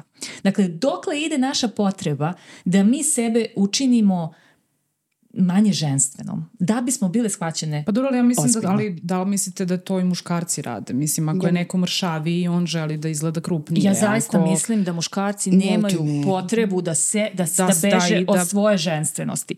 Koji muškarac, ja stvarno, evo, ako Od svoje ženstvenosti. Pa ne, pa od svoje muškosti hoću da kažem. Dakle, od muškosti, koji, da. Od muškosti. Da li, pa mislim, htjela sam da kažem kao, ne, nema, Ja nemaju muš- ženstvenost, pa zato, dakle, nemaju od čega da beže. Dakle, Da. žene koje vezuju svoju kosu da bi bile shvaćene ozbiljnije, jer je kovrđava kosa jednako uh, razuzdanost, I divlja. uh, flert i Laka. tako dalje. Dakle, vi imate te momente I šta se dešava u razgovoru sa pomenutim naučnicama? One takođe dolaze do spoznaje Jedna je rekla, pa imam jednu predivnu ljubičastu haljinu koju nikad nisam obukla. Pa sad ću je obući nakon ovog razgovora. Jer ona je shvatila zašto nosi uvek te jednu istu crnu haljinu. Zato što je ona jako suptilna, jako, onako, neće se istaći u tom naučnom svetu gde takođe ne treba da budeš mnogo um, sređen, doteran, jer ni tamo te ne shvataju ozbiljno ako dolaziš sređen i doteran. Čeka, u dokaz. krugovima tek. Dakle, e tu je ta razlika ja zaista mislim da muškarcima se nikad neće zameriti ako dođu doterani negde. Šta više biće hvaljeni zbog toga znači, što su se potrudili. Što se tiče korporativnog sveta, Miškoviću sve da se zahvale, jer cela Delta paradira svaki dan u fulu, štikle, boje, sve. Ne znam za to, ali znam da mnogo žena, posebno u akademskim krugovima, i te kako svoju pojavu svodi na minimum. Ja da mogu da bi... kažem, znači ja kad sam, pošto sam po struci f- a, farmaceut, kad sam završila faks, ja sam prvo radila u farmaceutskoj kući. I zna ona, seća se tog perioda, tad je ona bi Ali ona je tada nastao. meni to govorila kao podmoranje. To ti je Da, ono, ne, ja sam, na primjer, kad sam, pošto sam obilazila različite institucije, i apoteke, i doktore, doktorke, znači od, da kažem, opšte prakse, pa do nekih uh, um, hirurgija itd. Znači, potpuno različiti profili ljudi i tako dalje. Ja sam uvek se oblačila vrlo svedeno. To su bile teget, siva, crna, bela uh, košulja, da, kao danas, ma, kao, ali ima minđuše da se znaš. Ali imaš jaja na lajner. da, imam šminku, da, ali sve je bilo svedeno vrlo i vrlo onako baletankice, sve samo da ne budem upadljiva. U stvari da ja njima, da im ne odvučem pažnju sa onoga što sam ja došla tu da ispričam. Jedino što je na meni tada odskakalo, a sećaš se to uvek dajem kao primjer, su bile neke minđuše koje sam imala, koje su imale razne boje na sebi. Znači one su bile male, ali su bile onako i zelena i plava i ne znam, onako baš prelepe i to je bilo jedino što sam ja onako stavljala na sebe kao da meni eto bude lepo. Da, žene su sve to prim, primećivale. Znači koliko je to, dokle to ide da ti eto i to primetiš u svem, svemu tome. Posle to naravno nije bilo u, negativnom kontekstu, ovaj, nego u pozitivnom, ali da, ja kad se setim, to su bile tri boje, uvek svedeno, nikada da odskačem, da im ne zasmetam, bilo kome, i muškarcima i ženama. Jednostavno i to je bilo tako. Mislim, prosto... Da, zato što smetaš, da, možeš da smetaš i ženama. A, to je, apropo ove priče, moram samo da nadovežem, e, pošto su bile različitih dobi, najstarija od njih je rekla da ona naprosto nikad ne lakira nokte, najmlađa naučnica je rekla kako ona jako voli da se doteruje kako njoj rad na fakultetu to dosta onako smetaju što je, što je umanjuju tu slobodu, ali kako je onda rešila da to više se ne obazira na to i onda ste tačno imali različite generacije koje pričaju o istom problemu na različit način. način da. Jedna se potpuno pomirila s tim da naprosto nema iskazivanja njene ličnosti, a druga rekla ne, ja ću da se borim, da to što ću ja doći u štiklama ne znači da sam ja manje dobar profesor, odnosno profesorka od nekog ko je u ravnom ili pak od muškarca posebno starijeg muškarca. I to, je, to su te male borbe koje mislim da svi mi vodimo i ne, ja mislim da nikad muškarci neće doći u moment da moraju da sputavaju sebe da bi bili shvaćeni ozbiljno. Ali ja smo mislim... kod odeće, evo sad mi je sinulo setila sam se koliko njih muškaraca je komentarisalo to što sam ja u boji na sastanku. Mm, pa da. Ali A pritom sam uvek u odelu. Ali znaš što je ključno? Ja vas slušam sad. Uh, čega se žene plaše? Te naučnice sa fakulteta na kraju krajeva. Procene muškaraca. I ti isto, ne. Ti misliš da se tvoja vrednost Tako je. određuje kroz tvoj izgled. Tako Muškarci misle da se njihova vrednost određuje kroz njihovo ponašanje. I to vidiš i u socijalizaciji. Dečaci mogu da se prljaju, ma kakvi neko ono ogule kolena, devojčica mora da bude kao jedna puslica roze, ovaj, doterana i ne možeš da se prljaš zato što je bitno kako ti izgledaš, nije bitno šta ti možeš.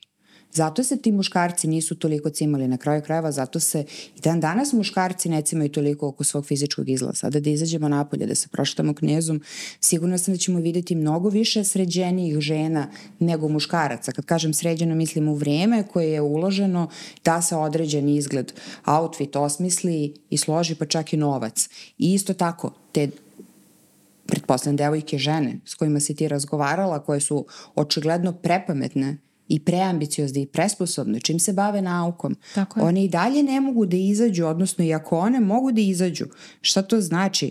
One treba sada da rade na svoju štetu, jer akademski svet jeste takav. Mm -hmm. I ne samo akademski svet. Bilo koji, koja oblast u kojoj su žene, da kažem, skoro došle da rade, znači profesije koje nisu feminizirane skroz, na primjer kao nastavnice u osnovnoj školi ili gde je ono pola-pola, kad možda nastavnica u srednjoj školi je bolji primer pola-pola, ali vaspitačica je primer apsolutno feminizirane a, profesije, žene moraju da se dokazuju. I pošto smo učene da o nama sve govori naš izgled, onda ćemo pazimo kako izgledamo. I zašto bi neko rizikovao svoju poziciju na fakultetu kad se toliko trudio, a zaista jeste kako ćeš ti da budeš našminkana, jeste kako ćeš ti da budeš obučena. To je nešto što će da A čekaj, ali to nema logike. Više utiče Zar nego tvoji naučni radovi. to što bi trebalo da ti daje profes, ano, profesionalni moment.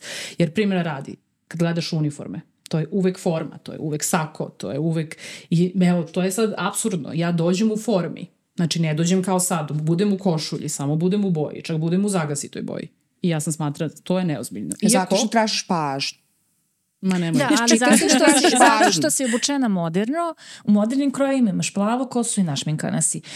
Pričala sam sa, dakle, to je isto kao i kad pričamo o feminiskinjama koje, ima jedna sjajna knjiga Bad Feminist.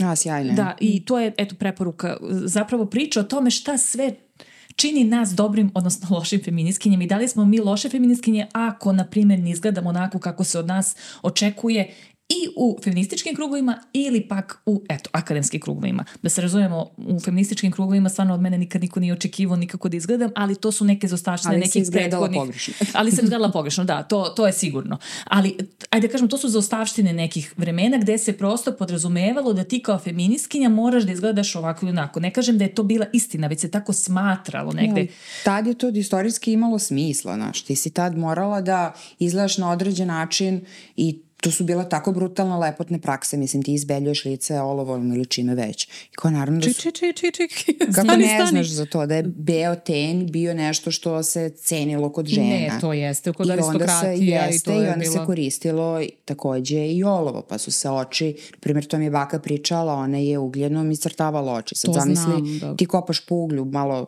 čumura uh, za roštilj, malo kao eyeliner.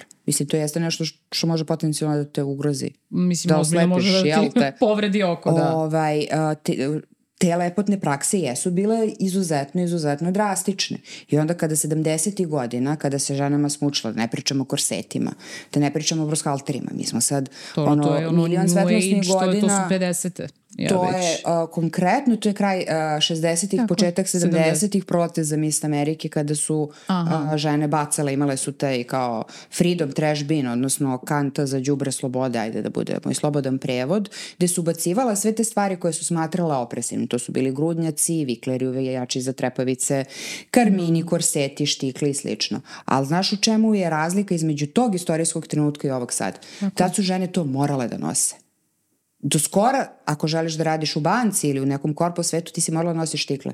Nisi mogla da nosiš baletanke ili nešto ravno. Dok nisu napravili casual Friday. Da, dok nisu da. malo olabavili ta pravila. Ali tad su žene to morale da nose, inače ti jednostavno ne bi ti da odeš na posao da budeš sekretarica, da nisi tako sva doterana, da nemaš onaj strukić, ti nećeš dobiti taj posao. I zato su tada žene išle toliko, da kažem, džonom i terale kontru išle u te ekstreme. Samo što je problem da sad kad imamo malo neki veći izbor, imamo neku slobodu, ne kažem da imamo kompletnu slobodu. Hajde dođi ti nedelju dana za redom nenašminka na, na posao u mešanom kolektivu koji nema neku svez, znači koji nije ono da su svi super osvešćeni, super vogue centar grada a, i slično, nego malo se pomerimo van centra gde su možda malo aktuelni neki a, tradicionalni stavovi, tebe bi pitali treći dan jesi dobro šta nije u redu sa tobom ili bi rekli uvidiš da se ova zapustila. Ona oprala kosu, vezala u rep, nema frizuru. Mislim, jeste bolja situacija, ali nije toliko strašna koliko je bila 60-ih i 70-ih. Tako da ja mislim da te žene koje su fe, feminiskinje, koje su tebe napadale, da jednostavno su zaboravile da je prošlo pa koliko ne, iskreno, pola veka. Ne, mislim, nikad me niko nije, ali sam uvek osjećala i zbog toga i zbog posla kojim se bavim, zbog toga što sam influencerka, da je to nešto što me odmah A zamisli voliš modu. Diskredituje. Da, da, u to, modna influencerka još, ajde, ja nisam modna odavno, ali imam taj jedan aspekt Pa zamisli svog. imaš stila. Znaš, e to je na primjer nešto što mislim da će uvek biti prisutno, da ćemo koliko god mi bile osvešćenije uvek procenjivati jedna drugu prema tim nekim zastarjelim elitističkim momentima. Dakle, to je čist elitizam. A šta to znači? Mislim, ti konkretno si vrlo, imaš sveden stil. Znači ti imaš ono što bi rekli old money style. Znači jednostavno vrlo su to svedene boje. Redko kad, ok, imaš ti i boja, ali kada bi izanalizirala sad tvoj stil, nije mi jasno. Pa ja mislim da je upravo ovo što smo pričali... Nisi kao ja, koja će mislim da ima... Mislim da vodi računa o sebi, mislim da je to ključno, zato što je stalo Samo da je fora, izgleda aha. onako kako ona želi. Da, mislim da, da se o tome radi. Što to mhm. znači nisi obrasla, mislim nisi pustila dlake, ne, ne razume, meni taj deo sada nije jasan sa tim feminiskinjama. Što znači ne voditi računa o sebi? Zapustiti se. Skroz, šta, nema higijene, pa ne, nema ničega. Ne znam, ne znam, mislim ono što se meni, meni se prebacivalo zašto koristim karmin i zašto se depiliram. Onda sam se ja lomila sama čeki. sa sobom šta hoću da depiliram, šta neću. Neću da depiliram ruke. Apsolutno me ne zanima. Ako nekome smetaju moje dlake na rukama, ne gleda levo, ne mora mene da gleda. Mislim, pritom je jako nevaspitano da ti komentarišeš tuđe telo. A šta ako neko nema prirodno dlake? Mislim, Ne razumem. Ne, ali sada da ne odemo da mi sad kritikujemo da. feministički pokret. pa mislim da je ovo jako bitno. Mislim, ali znam da, da, da ću izazvati bes. Izvini, vaš. izvini što te prekidam, ali mislim da je ovo jako bitno. Zato što je meni bilo teško da spoznam pravi feminizam i a, jako često sam nailazila na stavove koji su me gurali. Mm. I sigurna sam da u ovom trenutku postoji mnogo mladih devojaka ili žena koje se nalaze na tom istom mestu. Na kraju krajeva, to je razlog zašto je pokrenuo i feminizam iz teretane. Jer nema svako privilegiju i vreme i na kraju krajeva interesovanje da upiše koja studije roda i završi taj master i dobije papir na kome ti piše da si masterirana a, feministkinja feminizam mora da bude zdravorazumski. Znači, mi možemo da koristimo neke termine, super je što možemo da objasnimo šta je internalizovana mizoginija, ali mi sad tu da se lomatamo sa nekim terminima koje gomila ljudi neće razumeti, koje žene i devojke kojima je to najpotrebnije neće razumeti, to, to nije u redu da radim. Zato sam ja pokrenula feminizam iz teretane, da jednostavno podržim sve one žene sa kojima i devojke i devojčice na kraju krajeva, sa kojima možda ono što nas se nama danas plasira kao feminizam ne rezonira i da im dam neki način da one same za sebe otkriju šta za njih feminizam predstavlja. Jer za mene je feminizam sigurno nešto potpuno različito nego za tebe koja si majka, ja nisam majka, a u odnosu na mene i tebe sigurno feminizam potpuno različit za neku ženu koja je, na primjer, romkinja i diskriminisana na osnovu toga. Okay. Ili da. koja ima invaliditet. Ili koja je samohrana majka. Ili koja živi u vladičitom hanu. Feminizmi su različiti i kada neko pokuša ti nametne svoj feminizam, pogotovo ako žena drugoj ženi pokušava da nametne svoj feminizam, tu, tu nema feminizma. To je patrijarhat samo upakovan u ljubičastu mašnicu i zakačen etiketi sa njega feminizam feminizam i ljubav je podrška, a ne mm. nametanje.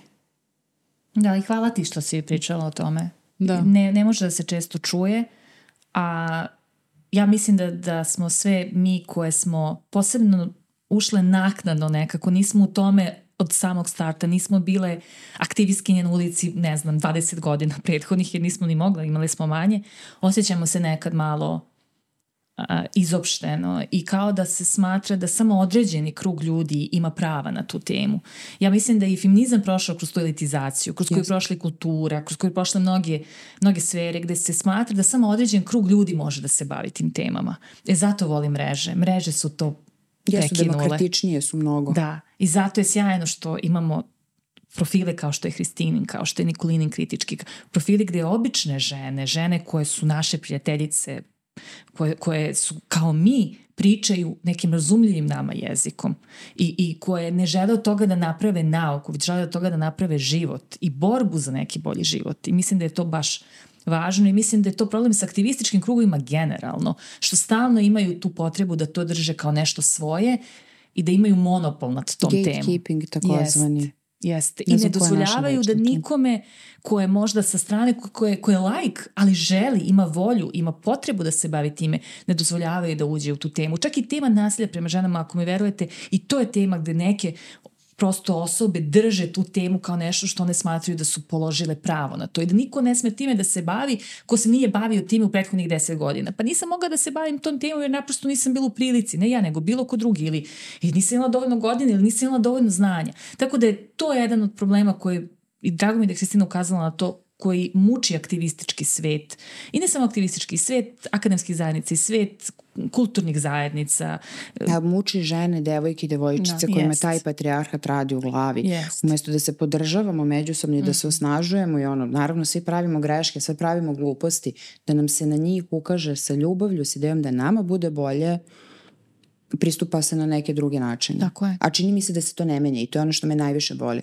Mislim, u, u aktivističkom svetu sam ja od svojih uh, od svoje srednje škole. Feminizmom se bavim, mislim feminizmom se bavim, a aktivna sam u polju feminističkog aktivizma barem 10 godina.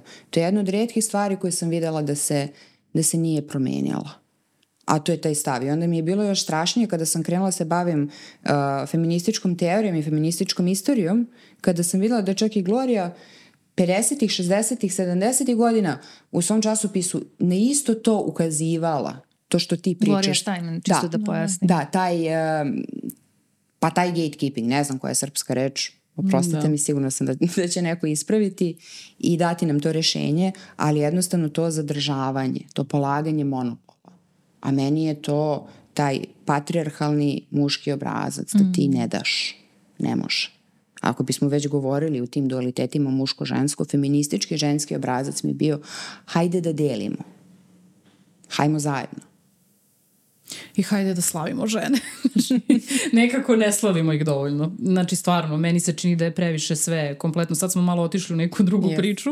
Ove, Ali baš važnu priču. Da, jeste važnu priču. Ja bih jako voljela, eto sad, pošto i ja sve vreme iskreno i preispitujem sebe i razmišljam o svemu što pričamo i razmišljam da li sam ja, šta sam ja rekla, uradila i tako dalje, jer sigurno smo svi imali da, neke... Okay. Jeste. Učimo ali svi, sam, učimo. Jeste, učimo i dan danas. Ovaj, uh, ono što sam htela da kažem jeste, da li imate nešto sad, ako sigurno će gledati puno žena ovu epizodu, ra, najrazličitijih i različitih godina i možda shvatanja i životnog nekog životne faze, ajde tako da kažem. Evo ja kažem, ja sam napunila 40 ove godine i tek, a, mogu da kažem, u tih posljednjih par godina sam počela da svešćujem, da primećujem neke stvari dosta pod njenim uticajem, jer je ona tu mnogo ranije krenula i da radi na sebi i da vrlo voli da definiše i nekako to, onda ona meni ispriča, onda ja razmišljam i analiziram. Šta bi e, ste vi posavetovala ako sad neku devojku, ženu zanima da pročita malo više, da se informiše malo više, da dakle pogleda da krene. nešto. Dakle da krene. Ako to se ne zna... se, tebe sam pitala.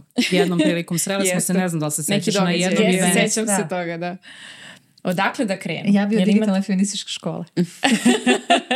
Eto, spomenula pa ste jest, knjigu Bad ne. Feminist, ja ću to da upišem sebi jer ću da je poručim da pročitam. Ne, ali evo zaista sve više i više profila koje se bave tom temom, ali evo ja sam bila polaznica digitalne feminističke škole u kojoj je i Hristina bila jedna od saradnica, predavačica i ja stvarno nosim onako lepo znanje, baš teorijsko. To je nešto što je meni trebalo zato što sam ovo neko, hajde da kažem, znanje iz prakse sticala uh, slušajući druge žene kako pričaju svojim iskustvima, analizirajući ovako situacije kao što sam sad sa vama uradila, to teorijsko znanje sam dobila od njih. Tako da, eto, to je moja preporuka. Ženske studije su profil na Instagramu, pa neka prati, imaju svake godine otvoreni upis za nove polaznice, pa mislim da je to, zapravo to nije mesto od kojeg ćete početi, to je mesto koje će vam dati baš onako teorijsku da, osnovu. Da, ja mislim da bi to za mlade devojke i žene koje nemaju neki background što se tiče teorije mm -hmm. i što se, mhm. mislim, humanističke teorije, političke filozofije i, i slično, mislim da to može da bude malo zbunjujuće Jeste, malo overwhelming, ako vi Bro, ima neki da. ono uh, for dummies. Ali znači, ima, nešto... znaš šta je feminizam for, for, uh, uh, for dummies? Svakodnevni život. Mm Mislim, to je ono što mene malo sad uh, ovaj, nervira, ali nije, nije to do vas. To je generalno ta ideja kao da je feminizam nešto, neki entitet koji tu lebdi i sad kao kako ćemo, opa, mi njemu da priđemo, da se one uplaši, da ne pobegne. Ne, samo sedi i počni da razmišljaš o svom životu. Naravno, gledaj filmove, čitaj filmove, a, to je čitaj knjige, čitaj teoriju na kraju krajeva, ali ta teorija bez prakse, To je da. ništa. Ti možda čitaš tu teoriju ceo život. Ako ti nemaš praksu koju ćeš da staviš tu teoriju, konkretnu situaciju, čemu to služi? Tako da ja mislim da je to razmišljanje broj jedan i to slušanje nekog svog unutrašnjeg glasića. Jer to što ti kažeš, ja sad sebe preispitujem. Mislim, ja sad kad pogledam iza sebe, stvarno sam neke katastrofa odluke donosila gde sam na prvo mesto sebe dovodila u rizik. Ne mislim, ona nosila sam kratku suknju nego jednostavno bila sam, bila sam na pogrešnom mestu, u pogrešno vreme sa jako pogrešnim stavom gde sam mogla da nanesem mnogo štete drugim ljudima koji su mi bili dragi i to je to žene, ženi Vuk i zašto žene mrze druge žene i slično cela ta priča oko internalizom mizogini. Ali uvijek sam imala te osjećaj u stomaku da nešto nije kako treba. Čak i kad nisam znala to da objasnim, čak ni kada nisam mogla ni da ukažem na to šta ne valja. I to je taj feminizam iz stomaka, ja ga tako zovem, jeste malo trapav ovaj naziv, ali mislim da svako od nas ima tu sposobnost da vidi da nešto ne valja. E pa nemoj da, nemojte da učutkujete taj glas, već gledajte šta je to što ne valja i to će ukazati na gomilu nekih uh, neravnopravnosti, nejednakosti, diskriminacija, isključivanja i slično koje postoje na, na toj polnoj, odnosno rodnoj osnovi koja je dominantna i onda tek na red može da dođe teorija neka. Ali ono, moramo da vidimo feminizam svakodnevni život. Znači, feminizam nije neki izdvojen identitet, mi njega živimo svaki dan. Da, ne, pa, ja sam, ja sam izvini što te pre, prekida mislila više na to, ono, postoje ono što si rekla upravo ne, neki obrasi, nešto sa, što nam je nametano, da. šim smo odrastali, što smo slušali i ja uhvatim sebe da ja to izgovorim ili ponovim. E da. sad sam se već kako sam se, možda ne mogu da kažem osvestila, ali delimično sam se osvestila, mm -hmm. pa mogu da kažem da onda sebe uhvatim da sam nešto izgovorila i da me bukvalno pojede sramota od sebe same Znam. što sam nešto izgovorila. E, o tome pričam. A da bi ja shvatila šta sam izgovorila, meni to negde neko mora da... Evo ja imam jedna knjiga kod tebe sam videla. Svi bi trebalo da budemo feministki i feministi. Ta je jako dobra. Čim ima, da ima na neka nije obrisane. Nevidljive. Nevidljive. Jeste. Jeste. I to je jako to je kad ti neko, knjiga. Kad ti neko mene je pogodilo baš... Caroline, uh, pa. kako se preziva, ima dva prezimena. Caroline je ime, nevidljiva se zove. Jeste, ali kada ti onako popišu činjenično, tipa Jest. Šumanova sestra je pisala, ili Šumanova ili Šubertova, ne znam, ali ja sam se bavila klasičnom muzikom, pa me to onda valjda ono kako sam pročitala. Sve su imali, da. I onda tako neke informacije on je njoj mm. preuzimao njene kompozicije, izvodio da. kao svoje. I onda meni to toliko bilo tužno. Znači, to, sad ti kad tako iščitaš gomilu toliko činjenica gde su žene samo čao, precrtane, pa pa, nema ih, mislim stvarno. Dobro, ali to je opet isto nešto ali... za nekoga ko mora da razmišlja, da krene da razmišlja da, o tome da bi to shvatio. Ali šta te navede da razmišljaš? Evo, na primjer, nek, svaka devojka, žena, muškarac, dečak koji se pita šta je taj feminizam, ima smisla, nek odgleda, na primjer, lepotu poruka. Mm -hmm. Pa nek se malo ono, zamisli šta je okej, okay, šta nije okej. Okay i ima gomila domaćih filmova koji, koji se bave tom problematikom. Uh, internet, čitaš, koristiš mozak, hajde da koristimo mozak, feminizam je zdravorazumski, znači nije to neko abstraktno mišljenje. Istražuješ, ne treba ti neka konkretna knjiga, ne treba ti neka konkretna škola, ne treba ti neko konkretno obrazovanje. Jednostavno, ako si muškarac, pričaj sa ženama u svojoj okolini, pitaj ih. Ako si žena, devojčica, pričaj sa ženama u svojoj okolini. Pitaj njih. Mislim da je to najbitnije. Mislim da je tu feminizam možda malo iskrenuo sa puta, jer on kao ideja nastaje kao pokret na ulicama. Prvi moment je bi, su bile te grupe za podisanje svijesti da mi sedimo zajedno i pričamo o stvarima koje nas muče. Ja kažem, ja nađa, znači ubiću se, ono, ceo dan čistim, ovaj moj ništa neće da mi pomogne. Ti kažeš, jao takođe i meni se isto dešava. Pa se Brana javi, kaže, jao, pa znate šta, pa to nam se svima dešava. I onda mi lociramo nešto što nam je svima zajedničko, jako smo mi, na primjer, apsolutno različite. To su bile te grupe za podizanje svesti. Kada su se locirali problemi, onda se izašlo na ulice. Onda su se zahtevala da se neke stvari promeni. I tek je onda došla teorija. Mm. Znači, ajde da pokušamo da idemo istim tim redosledom koji je zapravo najuspešnija feministička borba koja je postojala u istoriji uh, borba za ženska ljudska prava. Hajde da feminizam vratimo svojim korenima i da za početak, umesto da idemo od teorije, da idemo od toga da se međusobno slušamo, razumemo, podržavamo i bodrimo. Da vratimo feminizam njegovoj izvornoj ulozi Jer to jeste taj feminizam koji je 50-ih, 60, to je 60-ih i 70-ih godina doveo do najvećih promena, bio je taj što je išao iz stomaka, koji je išao iz tih grupa za podizanje svesti, kada je zapravo, kada gledamo celu istoriju borbe za ljudskih pra, eh, borbe eh, za ženska ljudska prava, postignuto je najveći broj rezultata. Znači idemo od sebe, od svog osjećaja, od onoga što je žensko pa je loše, pa idemo na ulice, pa onda to oblikujemo u teoriju i borimo se za sebe. Ali ako ja mogu da dodam, mislim da je važno i pratiti one koji su možda već u tim krugovima, između ostalog, evo, Hristina, feminizam iz teretane, profil kritički koji je sjajan, volim, ja volim i žensku solidarnost. Mm, postoje zaista veliki broj profila ako pričamo o društvenim mrežama, a to je dobar sadržaj za mlađe, zato što je to ono što je njima blisko i pitko i nešto što Jeste, oni mogu lako Brano, da... ali ti si navela, mislim, jedan profil koji Da, Neću da, da žensku solidarnost, da, verovatno. Da imenujem. ovaj, e pa to su ovaj, isto ali mislim sad neki... da i tu treba da bude određen kritički stav kakav nam se sadržaj plasira. Mislim, ja sam apsolutno sigurna da mo, mo, mom profilu i mojim idejama, onome o čemu ja pričam, može neko da nađe gomilu a, zamerki, ali ponekad nam se taj feministički osnažujući sadržaj maskira na način da nečija druga prava nisu podjednako bitna kao naša i da budu isključujuća. A po meni feminizam kao takav ne može da pravi podelu između ljudi.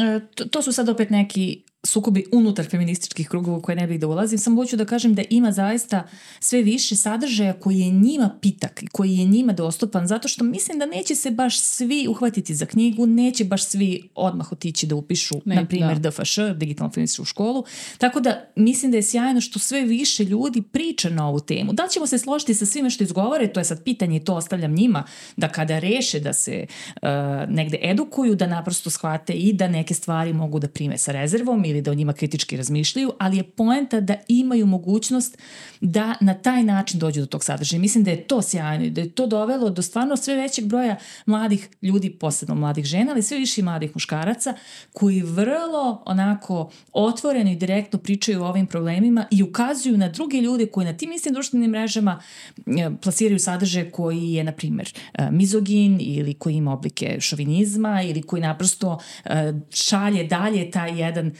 tu negativnu poruku koju nam je patrihalni sistem negde usadio svima nama, a oni ga sada koriste zarad, na primjer, pregleda, zarad... Da. tako da mislim da je sjajno da imamo i sve više takvih profila. Ja bih zaista dala predlog da se na taj način edukuju. Zašto da ne? Jer uh, mislim da je to prvi taj korak. Oni će za neke naredne svakako morati da se malo više potrude i kao što kaže Hristina negde to može da bude malo i uh, preplavljujuće ako se dođe do nekih teorija, ali nije potrebno da vi znate, ne znam, sve pravce feminizma da biste bili feminiskinji ili feminista. Apsolutno ne. Poenta je da kao što je rekao Nikola, da budete zapravo normalni. to je normalnost, feminizam je normalnost. I onda sada moram malo da vam kažem što bi rekli, ja bih jako voljela da ovo uh, neko stvarno sluša i bude u fazonu, e, ja ću stvarno sada početi, makar za početak da zapratim određene profile, pa onda uh, ovaj, da pročitam nešto i onda se desi neki Andrew Tate. Šta se desi? Andrew Tate. Da. A pa to je isto normalno, mislim. Pa ne, čekajte, čekajte. Ne, to nije normalno. Pa to ne, je normalno je da se jave ne, i ovi, a, čekajte, i ovi ali primeri. popularnost uh, kod dece, ja kod dece bukvalno, znači kreće njegova popularnost je, je velika i ogromna kod izrazito mladih ljudi. Tako da sve što žene koje su, ili ljudi generalno koji su okrenuti feminizmu, imamo sada jednu potpuno kontra situaciju i Mislim, Ali to bukvalno... je normalno, kad god jačaju, na primjer, leve strukture, samim tim će jačati i desne. I to mi je, na primjer, u političkim uh, strujama, to je uvek kroz istoriju praćeno. Dakle, to što, na primjer, uh, ajde da kažem, generalno ajde, taj levičarski pogled na svet, prosto koji je liberalni, koji je uh, oslobođeni, otvoreni, samim tim vuči ove tradicionalne i konzervativnije pojave da budu glasnije. Ali su glasniji su. Jesu to, glasni, ali ovo, ja mislim A da... to ne znači da mi treba da učutimo, nego naprotiv, da mi isto ostanemo glasni i da nadglašavamo njih. Što mi nemamo njih. nekog takvog? znači... Imamo, kako nemamo? Pa koliko ljudi je ukazivalo na, na problematičnost Andrew Tate, na kraju krajeva čovjek je uhapšen, mislim, kriminalac, nema razloga da, ono, ja da mu dajemo. Ja bih samo vratila na to da mi pričamo o čoveku koji je optužen i sasvim izvesno će biti osuđen Mada. za trgovinu ljudima. I koji je bez problema relativno skoro imao intervju sa jednom od sad da li podcaster, žena, novinar, svakako mislim vrlo crnkinjom, jednom sad ne znam tačno kako se zove, Candice na primer, ovaj Owens ili tako nešto. Znači, ja sam bila fascinirana njenom dozom um, ona je, ljubaznosti. Ona je konzervativka, američka Jeste. novinarka, republikanka, mislim, to je upravo to. Desni krugovi podržavaju ljude koji naginju ne, desno ali i levi. Odjednom, znam, to, ali ta priča njegova... U, u ali nje... on je uradio nešto što je bukvalno savršeni biznis plan.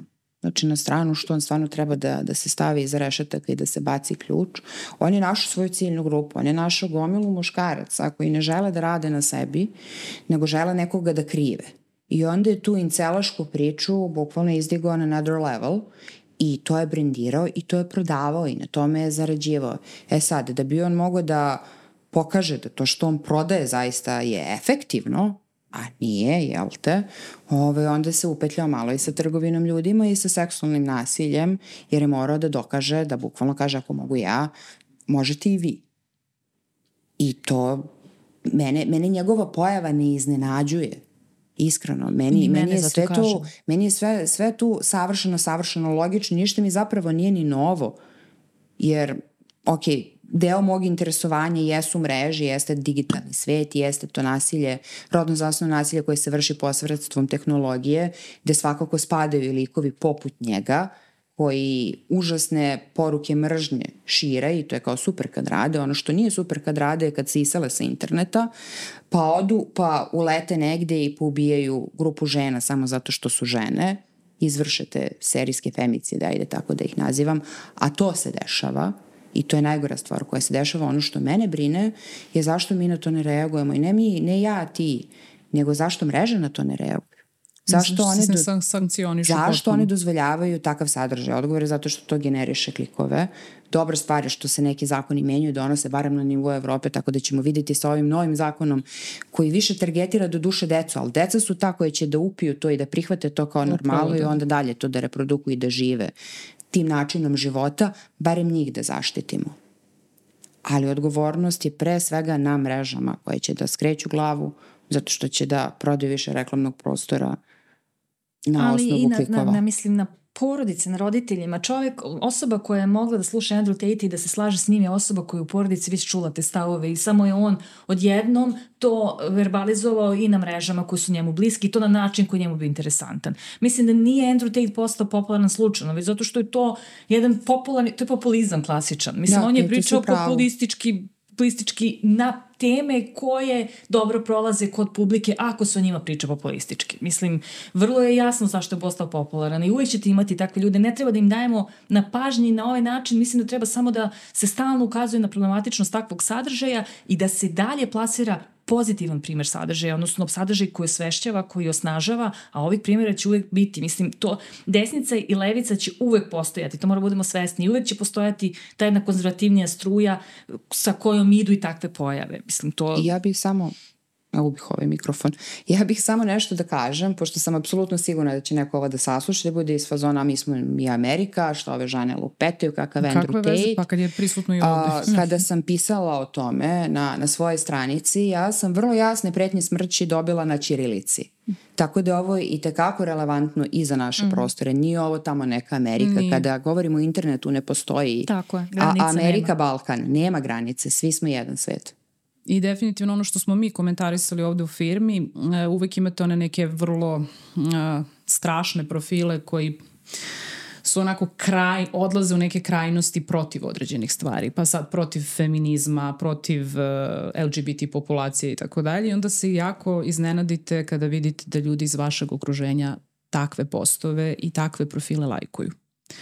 I to je onaj deo jer ti to ne očekuješ. A da li se zaista iznenadiš? Da, i više puta smo se ovde kolektivno... Pa te osobe nisu nikad pokazivale, ne. Jako Onda su se fine, ljubazne, pa vrlo... To često, mislim, mislim, to ide uz nacionalizam, to ide uz... Ne očekuješ od žena. Ali imaš ti moment da vrlo... da neko ni ne razume. Ja, e, to je deo koji ja... Da, mi, uh, imamo... Mislim, čini mi se da sam primetila da kod ljudi koji nisu se susreli sa određenim stvarima, jer nismo svi dovoljno osvešćeni i nemamo empatiju baš svi na istom nivou razvijenu, uh, kada se ne susreću sa određenim stvarima ili nemaju u svom okruženju najbližem, ne mogu ni da razumeju, niti da prihvate i onda ako, na primjer, nemaju u svom okruženju dovoljan broj ljudi koji su to, da, sad gevi ili već da ne navodim sada neke druge ove, primere, e, ne razumeju i to im je kao da im je strano i kao da neće da prihvate. Uh, Mislim, ta kompletna diskriminacija, bez obzira sada da ne odnosi se samo na žene, odnosi se Absolutno, na gomilu. Na marginalizovane grupe, apsolutno. To Dovoljno je da budeš različit Tako ili je. različit i bit ćeš diskriminisan. Ali imaš to i nešto što ja zovem bumerski humor.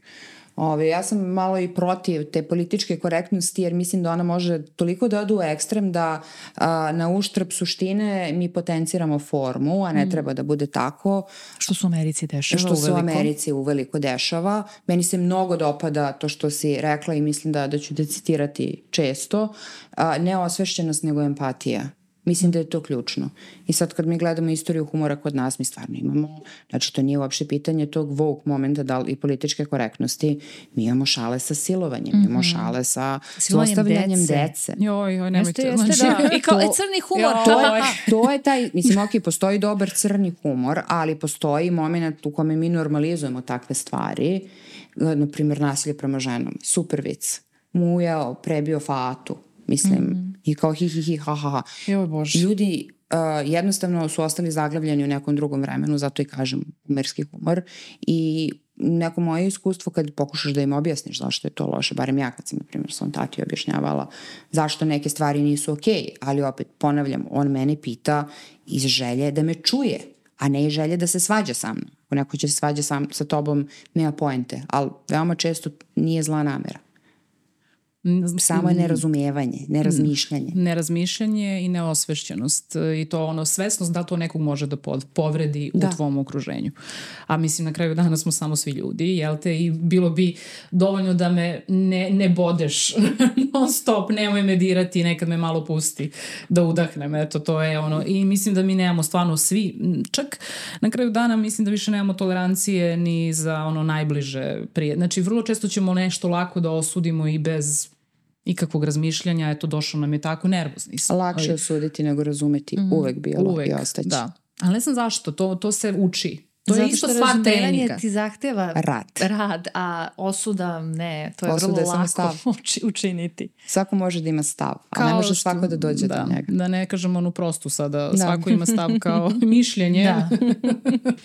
Ove, ovaj, dobro, imaš ti nešto za kraj ili želimo još nešto pa, da da istakne? se vratimo sa, ne, da, u stvari vola bih da završimo sa pozitivnom notom sve ovome, pošto smo rekli da je fe, feminizam ljubav ja iskreno m, feminizam m, doživljavam ljubav, ljubav empatija, prihvatanje sebe i svih različitosti oko nas, šta god to bilo, negde neosuđivanje, um, ovaj, ja to tako barem doživljavam. Um, gde mislite da smo na tom putu ka nekom, uslovno rečeno, društvu, boljem društvu, boljem sutra, toj, ajde da kažem, uh, ljubavi prema drugima, um, nemanju predrasuda, nemanju dvostrukih standarda?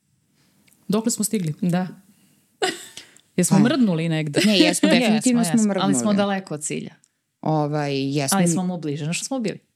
Pazi, mi smo mnogo toga prošle. Ti kad gledaš pre koliko godina su žene dobile pravo glasa, ti kad gledaš ono i svoje neke porodične istorije, na primjer šta je tvoja baka mogla, šta je tvoja prabaka mogla, šta da. možeš ti sad, sa čim se tvoja majka susretala, što je za nju bilo nezamislivo, a tebi je sad on ovako. Naravno, mi se pomeramo ali je problem što je Brana super naglasila i mislim da stalno moramo da skrećemo pažnju na to mi kako, odem, kako se pomerimo, tako se otpor povećava. I mene da pitaš sve zavisi od dana. Nekad sam iz fazona neki izgori sve, mm. a u više ne mogu, a nekad budem iz fazona kažem sebi Hristina, carice, legendu izdrži, ima nade. Mm jer na kraju krajeva ja sam davno osvetila da, osvestila da mi nećemo doći za mog života, ja neću uživati a, plodove, ne ono čega se ja borim, nego možda čak onoga za što se moja baba u Afeže uborila, jako ona, ona kao malo doprinela opesmenjavanju, ali dan danas ti imaš stavove nekim određenim mestima u Srbiji da žensko ne treba da završi više od 3-4 razreda osnovne škole, šta ona će da se uda. Šta njoj treba da zna da piše Šta treba da se obrazuje? Tako da, zavisi kakav mi je dan. Ali činjenica je da rezultate naši borbi, nastojanja i svega mi nećemo videti za naših života, ali opet tu stupa ta empatija i tu stupa taj feminizam kao ljubav, da mi to ne radimo zbog sebe Možda i radimo zbog nekih malih nas, neke male Hristine koje to nije imala. A ta mala Hristina su generacije i generacije devojčica koje dolaze posle nas i one zaista ne treba da se dave u istom ulju kome se mi davimo. Mi, apropo, ja sam opet to sam isto spominjala u nekom drugom podcastu, kada smo bile sa mojom čerkom i gledale Barbie.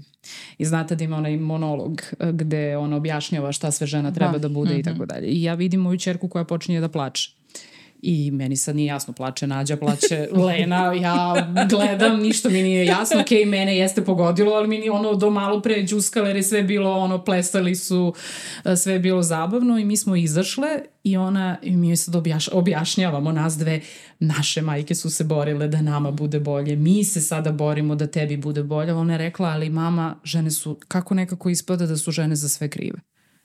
Njen da, pa- zaključak Ali, ali to je jako važan zaključak do kojeg je ona došla. Koliko ima godina? Deset. Deset. Pa to je sjajno. Mislim, to što je ona došla sa deset godina, toliko je važno za generacije kojima ona pripada i za generacije koje će doći posle nje. Jer smo mi to svestile Evo, pričale smo s 25, 30. Ali nije, to je feminizam stomaka. Ti si to svestila kad si imala 10 godina. Samo nisi imala nekoga ti tako kaže, je, e, mala brana u pravu si. Tako je, upravo to. Znači, ne, ne, nešto se promenilo. I promenilo se mnogo toga. Ljudi, 2006. smo mi dobili zakon o nasilju porodičnom. Mi nismo pre toga imali zakon koji definiše nasilje u porodici. Dakle, da, to su vrlo konkretne stvari. Dakle, su... ako samo u to pogledamo, prošli smo mi ozbiljan put. Mislim, imamo godina već da uporedimo situaciju od pre, na primjer, 20 i sada. E sad, daleko je, ali ja sam optimista generalno i ja baš nekako iskreno i, i jako dobro pamtim situacije i mogu da ih upoređujem sa aktualnim. I stvarno se vide pomaci, enormni pomaci. Ja sam učestvovala na više konferencija koje su organizovale srednjoškolke. Ma kad smo se mi u srednjoj školi bavili feminizmom? One su se, dakle, te konferencije su se bavile feminizmom na neki način, rodnom ravnopravnošću. Mi u srednjoj školi nije postojao feminizam. Mislim... Ma nismo o tome ni razumijeli. Ma ni, ajde ono, bili smo u osnovnoj se ja se sećam, radujemo se, su ukinute sankcije, pa nisi imao ti ni mnogo prilike da se baviš tim temama, jer se stvarno se kao dete susretao sa ozbiljnim problemima, kao što su rat, kao što su... Egzistencijom. Egzistencija. Ali koliko je to sjajno, da sada se neke srednjoškolke organizuju u saradnji sa svojim školama, organizuju konferenciju o feminizmu. Pa kako da ne budem zadovoljna? Kako da ne budem srećna? Kako da, da ne kažem, ej, ljudi, pa dobar, dobar smo put prešli.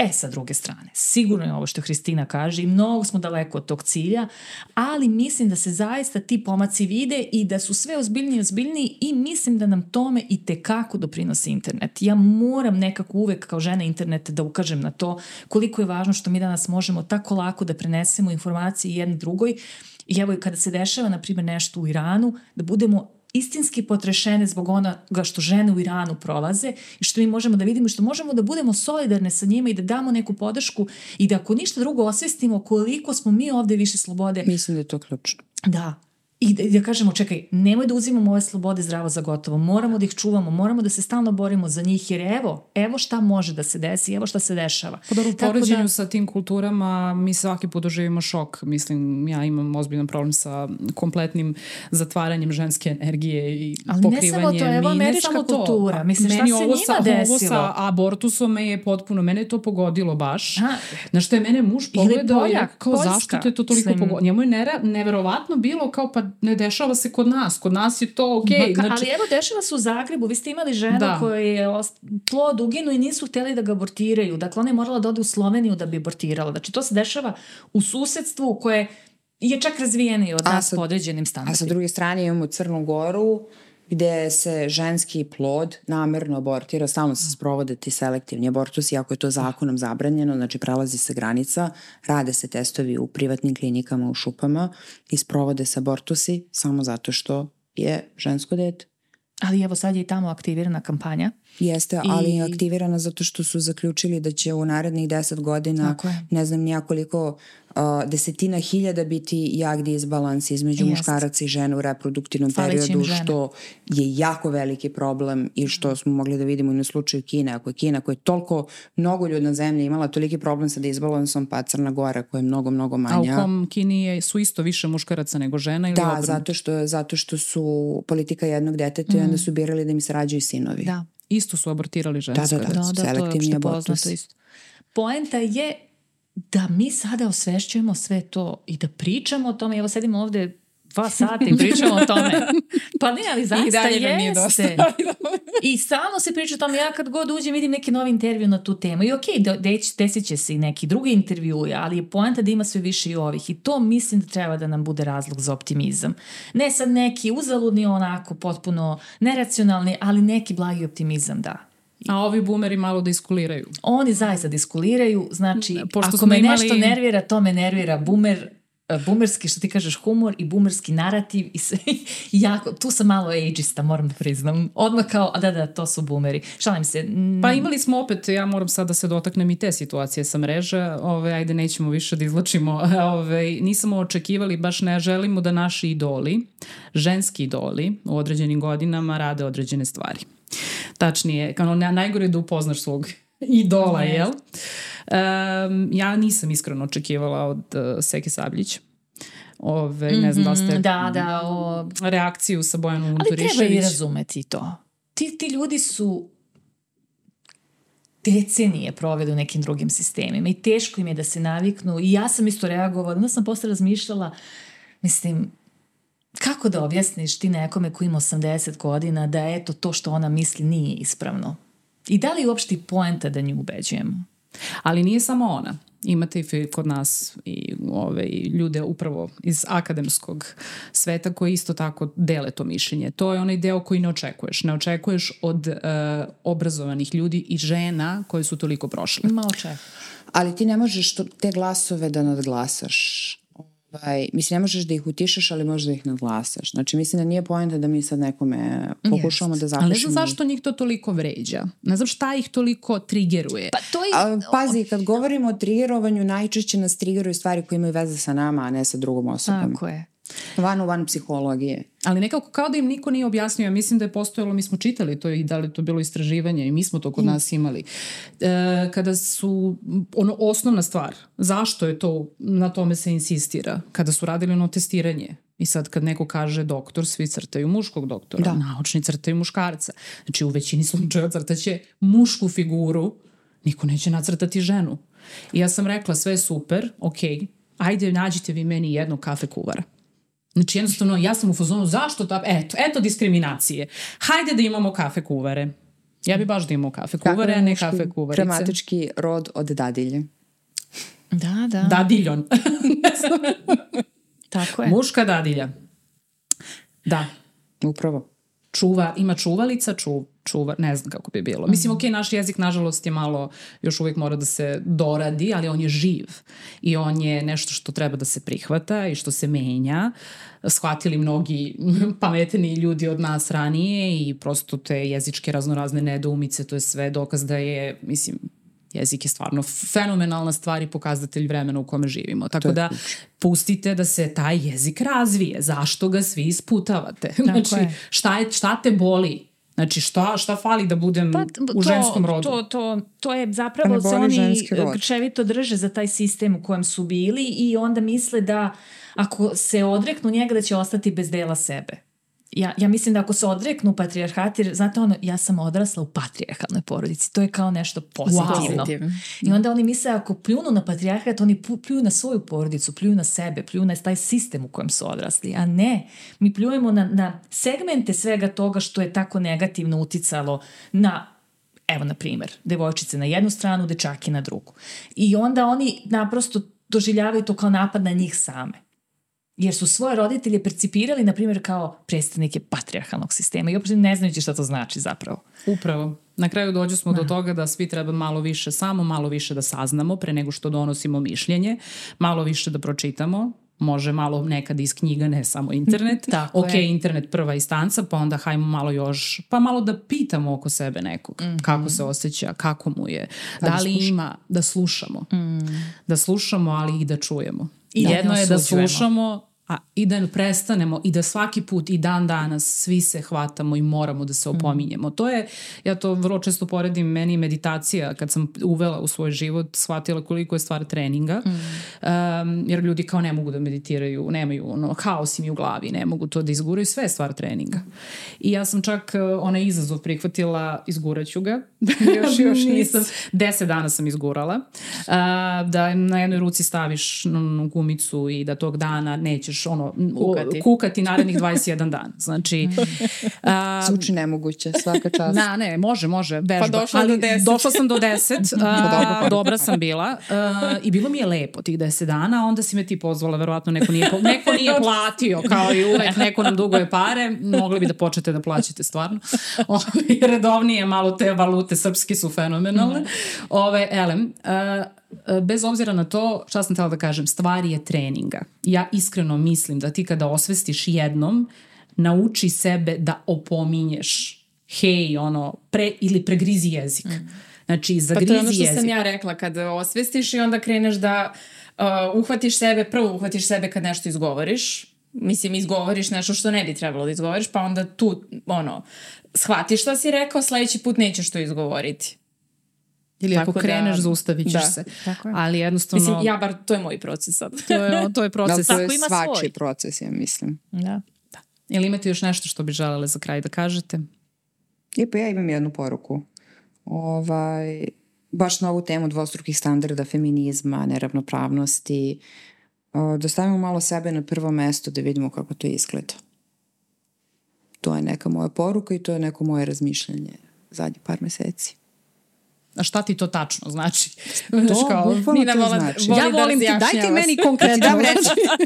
šta to znači? Šta ćeš ti da uradiš da staviš sebe na prvo mesto? Šta ću ja da uradim? Zapitaću se da li je ova situacija dobra za mene, da li se osjećam dobro u njoj. Hmm. Nijeću da činim stvari samo zato što neko očekuje od mene da ih učinim ili zato što to tako treba ili zato što ću ja biti veći čovek ako to učinim. Neću da tolerišem neka ponašanja zato što to tako treba, zato što nije na meni da se ja sad tu nešto bunim, zato što ću ja izaći svoje ženstvene uloge, mislim, klasičan ne scenariju, nego ću staviti sebe na prvo mesto. Vidjet ću sama sa sobom šta ono što meni treba, šta ono što ja želim, šta ono što ja volim, šta ono što meni prija, šta ono što ja ne želim, postaviti granice i staviti sebe na prvo mesto na način da te granice ne pomeram.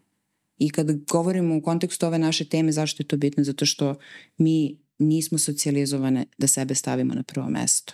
Mi ćemo uvijek tu da budemo za nekog, uvijek ćemo da budemo neke negovateljice. Da li ćemo da negujemo lutke kad smo same male, partnere češće nego partnerke, jel te kada smo u nekim malo starijim god, zrelim godinama, u stari, onda da se brinemo o deci, na kraju da se brinemo u roditeljima, a gde smo tu mi? De, de, mislim, da li postoji žena van toga da, da se brine o drugima i da stalno uzima tuđu perspektivu na uštrb svoje, da se nikada ne pita šta je to što ja želim, šta je to što meni prije, šta je to što ja volim. I ovo može da se odnosi na bilo šta od izbora karijere, odluke da budeš u vezi ili braku, odluke kakvu vezu želiš ili brak, pa sve do, ne znam, seksualnosti i seksa kakav želiš. Do toga da li ćeš otići na ginekološki pregled svake godine. Stavi sebe na prvo mesto i primenjuj to na svaki aspekt svog života. Ja sam jako zadovoljna, sve što sam čula ja zapravo primenjujem i baš sam ponosna na sebe, ali primenjujem već duže vreme. I da, to je, to je Koliko stvarno... duže? Ma baš dugo. Ja sam taj tip, nisam ja niče negovateljica, ja više volim da mene neguju. Da neguješ sama sebe. Negujem sama sebe. Mene je to anksioznost naučila. Da, da, anksioznost je mene postrojila i rekla mora da živiš ti najpre za sebe pa za sve druge. Da. A i zahvalna sam mojim roditeljima, što su oni mene naučili, ej, ti si baš važna. Mnogo si nam važna i zato moraš da shvatiš da si ti važna kao osoba. I onda sam ja nekako kroz njih i Boga mi postavila sam takve stvari u svom braku i tako želim sutra i da budem majka. Super je što sam ja majka, ali ja sebi moram da budem uvek nekako najvažnija da bih i tom detetu sutra bila dovoljno dobra i mom suprugu i mojim prijateljima, ali prvo moram sebi da budem dobra. Tako da je to stvarno dobar i nije to sebično da se razumemo. Da. Dakle, vole da nas nauči roditi se. U Srbiji se majčinstvo, odnosno to koliko si dobra majka meri time koliko trpiš kao majka. U Srbiji si dobra žena koliko trpiš kao žena, u braku, primjer. I generalno mora da trpiš, mora da budeš žrtva da bi bio. Znate i ono, generalno kad se ljudi muče, oni su baš dobri ljudi, muče se. Izdržiš, možeš da, da izdržiš. A kad neko živi dobro, ma sigurno je on nekako to došao do toga, ne znam, na neki mutan način. Generalno, dakle, cenimo žrtve. Jeste, jeste, cenimo jeste. žrtve. Uh, sad, bila jedna izjava, sećam se u vezi sa romantizacijom siromaštva. Mislim, u Srbiji ne možemo romantizujemo siromaštvo jer siromaštvo je prisutno pa je prisutno, ali volimo da romantizujemo žrtve. Da. Romantizujemo ljude koji se muče i kao to je, eto, dokaz od Šojića i Pantića. Pošten, po, da, tako je, dokaz njihove njihove... Poštenja, poštenja. Tako je. E, to mi, baš mi je muka toga. Muka Vrednosti. mi je toga jer poenta je da mi ne treba da se mučimo ni u čemu. Niti u svom privatnom životu, niti u poslovnom, niti u svakodnevnoj konverzaciji, niti u poslovnoj, ni u čemu. Ne treba da se mučimo. Ljudi, treba da budemo uh, presrećni u onome što smo. Da li smo majke, da li smo domaćice, da li smo poslovne žene, da li smo uh, single devojke, žene, kako god treba budemo srećne u tome, a ne da se mučimo da bi neko rekao, ej ti si super, baš se namučila. Tako da to, ja sam baš srećna što ne živim, e to su standardi po kojima neću nikada živim nikad neću dozvoliti da me neko procenjuje po tome da li se ja mučim ili ne. Ali kao isplatit će se.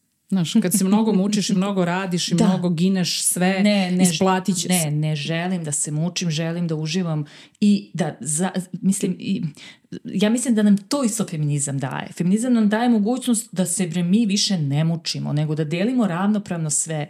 Dakle, da, da se ja ne bavim sama kućom, da se ja ne bavim sama detetom, da se ja ne bavim sama svime. Ja ću ti reći iz perspektive majke i ono što će mnoge žene ove, koje su majke možda da prokomentarišu jeste uh, ti kada stvarno uđeš ono jedno dete pa ti se desi drugo dete pa sad tu postoji jedan moment da ti negde nažalost zaboraviš na sebe.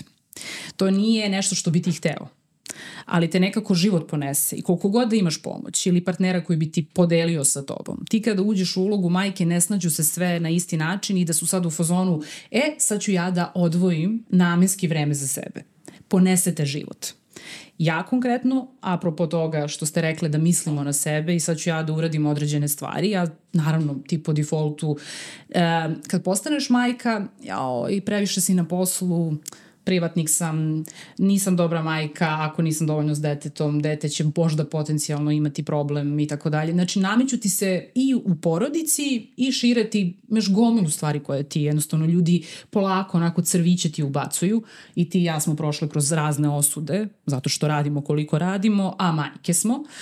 I imaš jedan moment, ja sam to pustila. Meni je bilo teško, ja nisam mogla, deca mi ne spavaju, stvarno sam prošla, ono, što kažu Golgotu u smislu fizički mi je bilo jako naporno dok su bili mali. I još na sve to sam privatnik. I ja sam to pustila. Ja tada nisam imala vremena da mislim baš na sebe. Nisam imala vremena o feminizmu definitivno da razmišljam, to moram da kažem. I trebalo je 10 godina da prođe i ova firma mi je prilično kao treće dete pojala ovaj, vreme, tako da tek posle, evo sad je 13. godina, ja mogu da kažem da se ja intenzivno sobom i uh, uh, uopšte svojim dobrobit, ono svojom ličnom dobrobit, ne znam kako se kaže. Dobrobiti. Dobrobiti. a, a i o tom osvešćivanju kad je feminizam u pitanju bavim poslednje tri godine. Znači, deca su mi um, porasla, sada mogu da funkcionišu i bez mene za neke stvari, u nekim stvarima i potpuno je drugačija perspektiva, ali da te život ponese i da nas život, ne, nije samo taj egzistencionalni moment, znači ja mogu da kažem da je meni on pokriven i mojim radom i radom mog partnera, ali imaš onaj moment da te majčinstvo pojede. Znači, jednostavno, vreme ti pojede. Pojede ti svašta nešto, iako je lepo, ali to nosi nespavanje, zubići, grčevi, ima Boga oca toga što te vozi. I samo jednostavno treba dati sebi, ja sam sebi tada, ja znam kad je, kad je to sve krenulo, pošto sam 10 godina ne, nisam spavala, uh, ja, to je jako uticalo na moje zdravlje, ali ja znam da sam ja sada iz ove perspektive ja sam sebe kinjila zbog toga zašto sam to sebi uradila i tako dalje. Sad sam na kraju rekla ok, to je moralo da se desi da bi ja shvatila šta ja hoću i šta ja neću. I ne želim upravo to, ne želim da budem žrtva da ja sada, ja ne pričam ovo zato što sam ja ne znam šta, mislim, uradila epohalno i sad sam ja mučenica, ne znam kakva. E, da, bilo mi je teško, bilo mi je naporno, fizički naporno, ali ja sam to sama na kraju dana izabrala, izabrala sam da budem privatnik, ne mogu da se žalim, mislim, ja sam morala posle mesec dana i nakon... Ali možeš da se žališ, poenta je u tome da ne da budemo žrtve tako što ćemo da trpimo, dakle, odnosno, ti nisi žrtva ako kažeš da ti je teško. Ja ne kažem da mi treba da mislimo na sebe tako što nećemo da pričamo o problemu, ne nego tako što ćemo da pričamo o problemu, to je isto briga o sebi. Ja hoću da stavim sebe na prvo mesto u smislu da ako mi je teško, kažem, ej ljudi, teško mi je. Ja imam problem, hoću da, da pomozite mi, a ne da ćutim zato što ako ćutim i govorim da je sve okej, okay, onda sam zapravo ja isto okej. Okay. Onda će neko misliti da sam ja okej, okay, eto ona se ne žali. Ne, poenta je da se žalimo, poenta je da nam bude potrebna pomoć, a poenta je da tražimo tu pomoć. I ja sve razumem što si ti rekla, ali ja sutradan zaista želim da ako mi je loše, ipak potražim pomoć, a ne da zato što sam i majka, ćutim i ne želim da nađem pomoć jer eto potrebna sam detetu. Ne, mora da, moram da budem ja dobro da bi dete bilo dobro. Od uvek je bilo majka kad je dobro, dete je dobro. O tome se radi. Dakle, ako sam ja loše zato što nemam vremena za sebe, ne radim, upala sam u neki, uh, ne znam, neku rutinu koja mi smeta. Ja sad naravno pričam hipotetički šta bi bilo, ali pričam i o, o situacijama u svom životu kojima sam se našla. Uvek sam morala da nađem način da pomognem sebi. Kako? Ili odlaskom na psihoterapiju ili odlaskom kod lekara za fizičke tegobe ili ne znam, nekim drugim načinima. Dakle, pojente je da tražimo pomoć i pojente je da brinemo o sebi, a ne da sve svedemo, što kaže Hristina, ono što smo mi da svedemo kao poslednje poslednju stavku na našoj listi prioriteta. O tome se radi.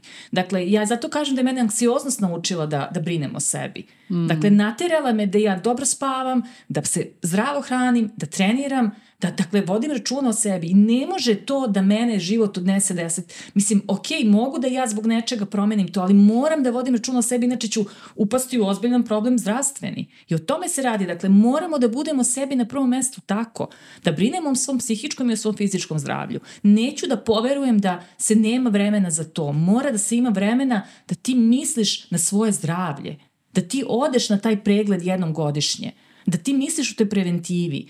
Mislim, ako, ako nemamo vremena za to, šta smo onda mi? Ka, mi smo šta, ljušture? Koje, koje, mislim, o tome se radi. Dakle, moramo da vodimo računa o svom psihofizičkom zdravlju. Šta god da nam se dešava, to pričam kao neko ko je saista prošao kroz ozbiljne izazove sa strane psihičkog zdravlja. I šta mi je pomagalo? To što sam se zaustavila i rekla, ej, daj ljudi da, da radim, da pomognem samoj sebi. A ne to što sam da sam čutala i da sam rekla, ma ne, ne, sve je okej, okay, sve je okej, okay. ko zna šta bi se sa mnom desilo? Ko zna da li bi to mm. otišlo u neku ozbiljnu depresiju i tako dalje.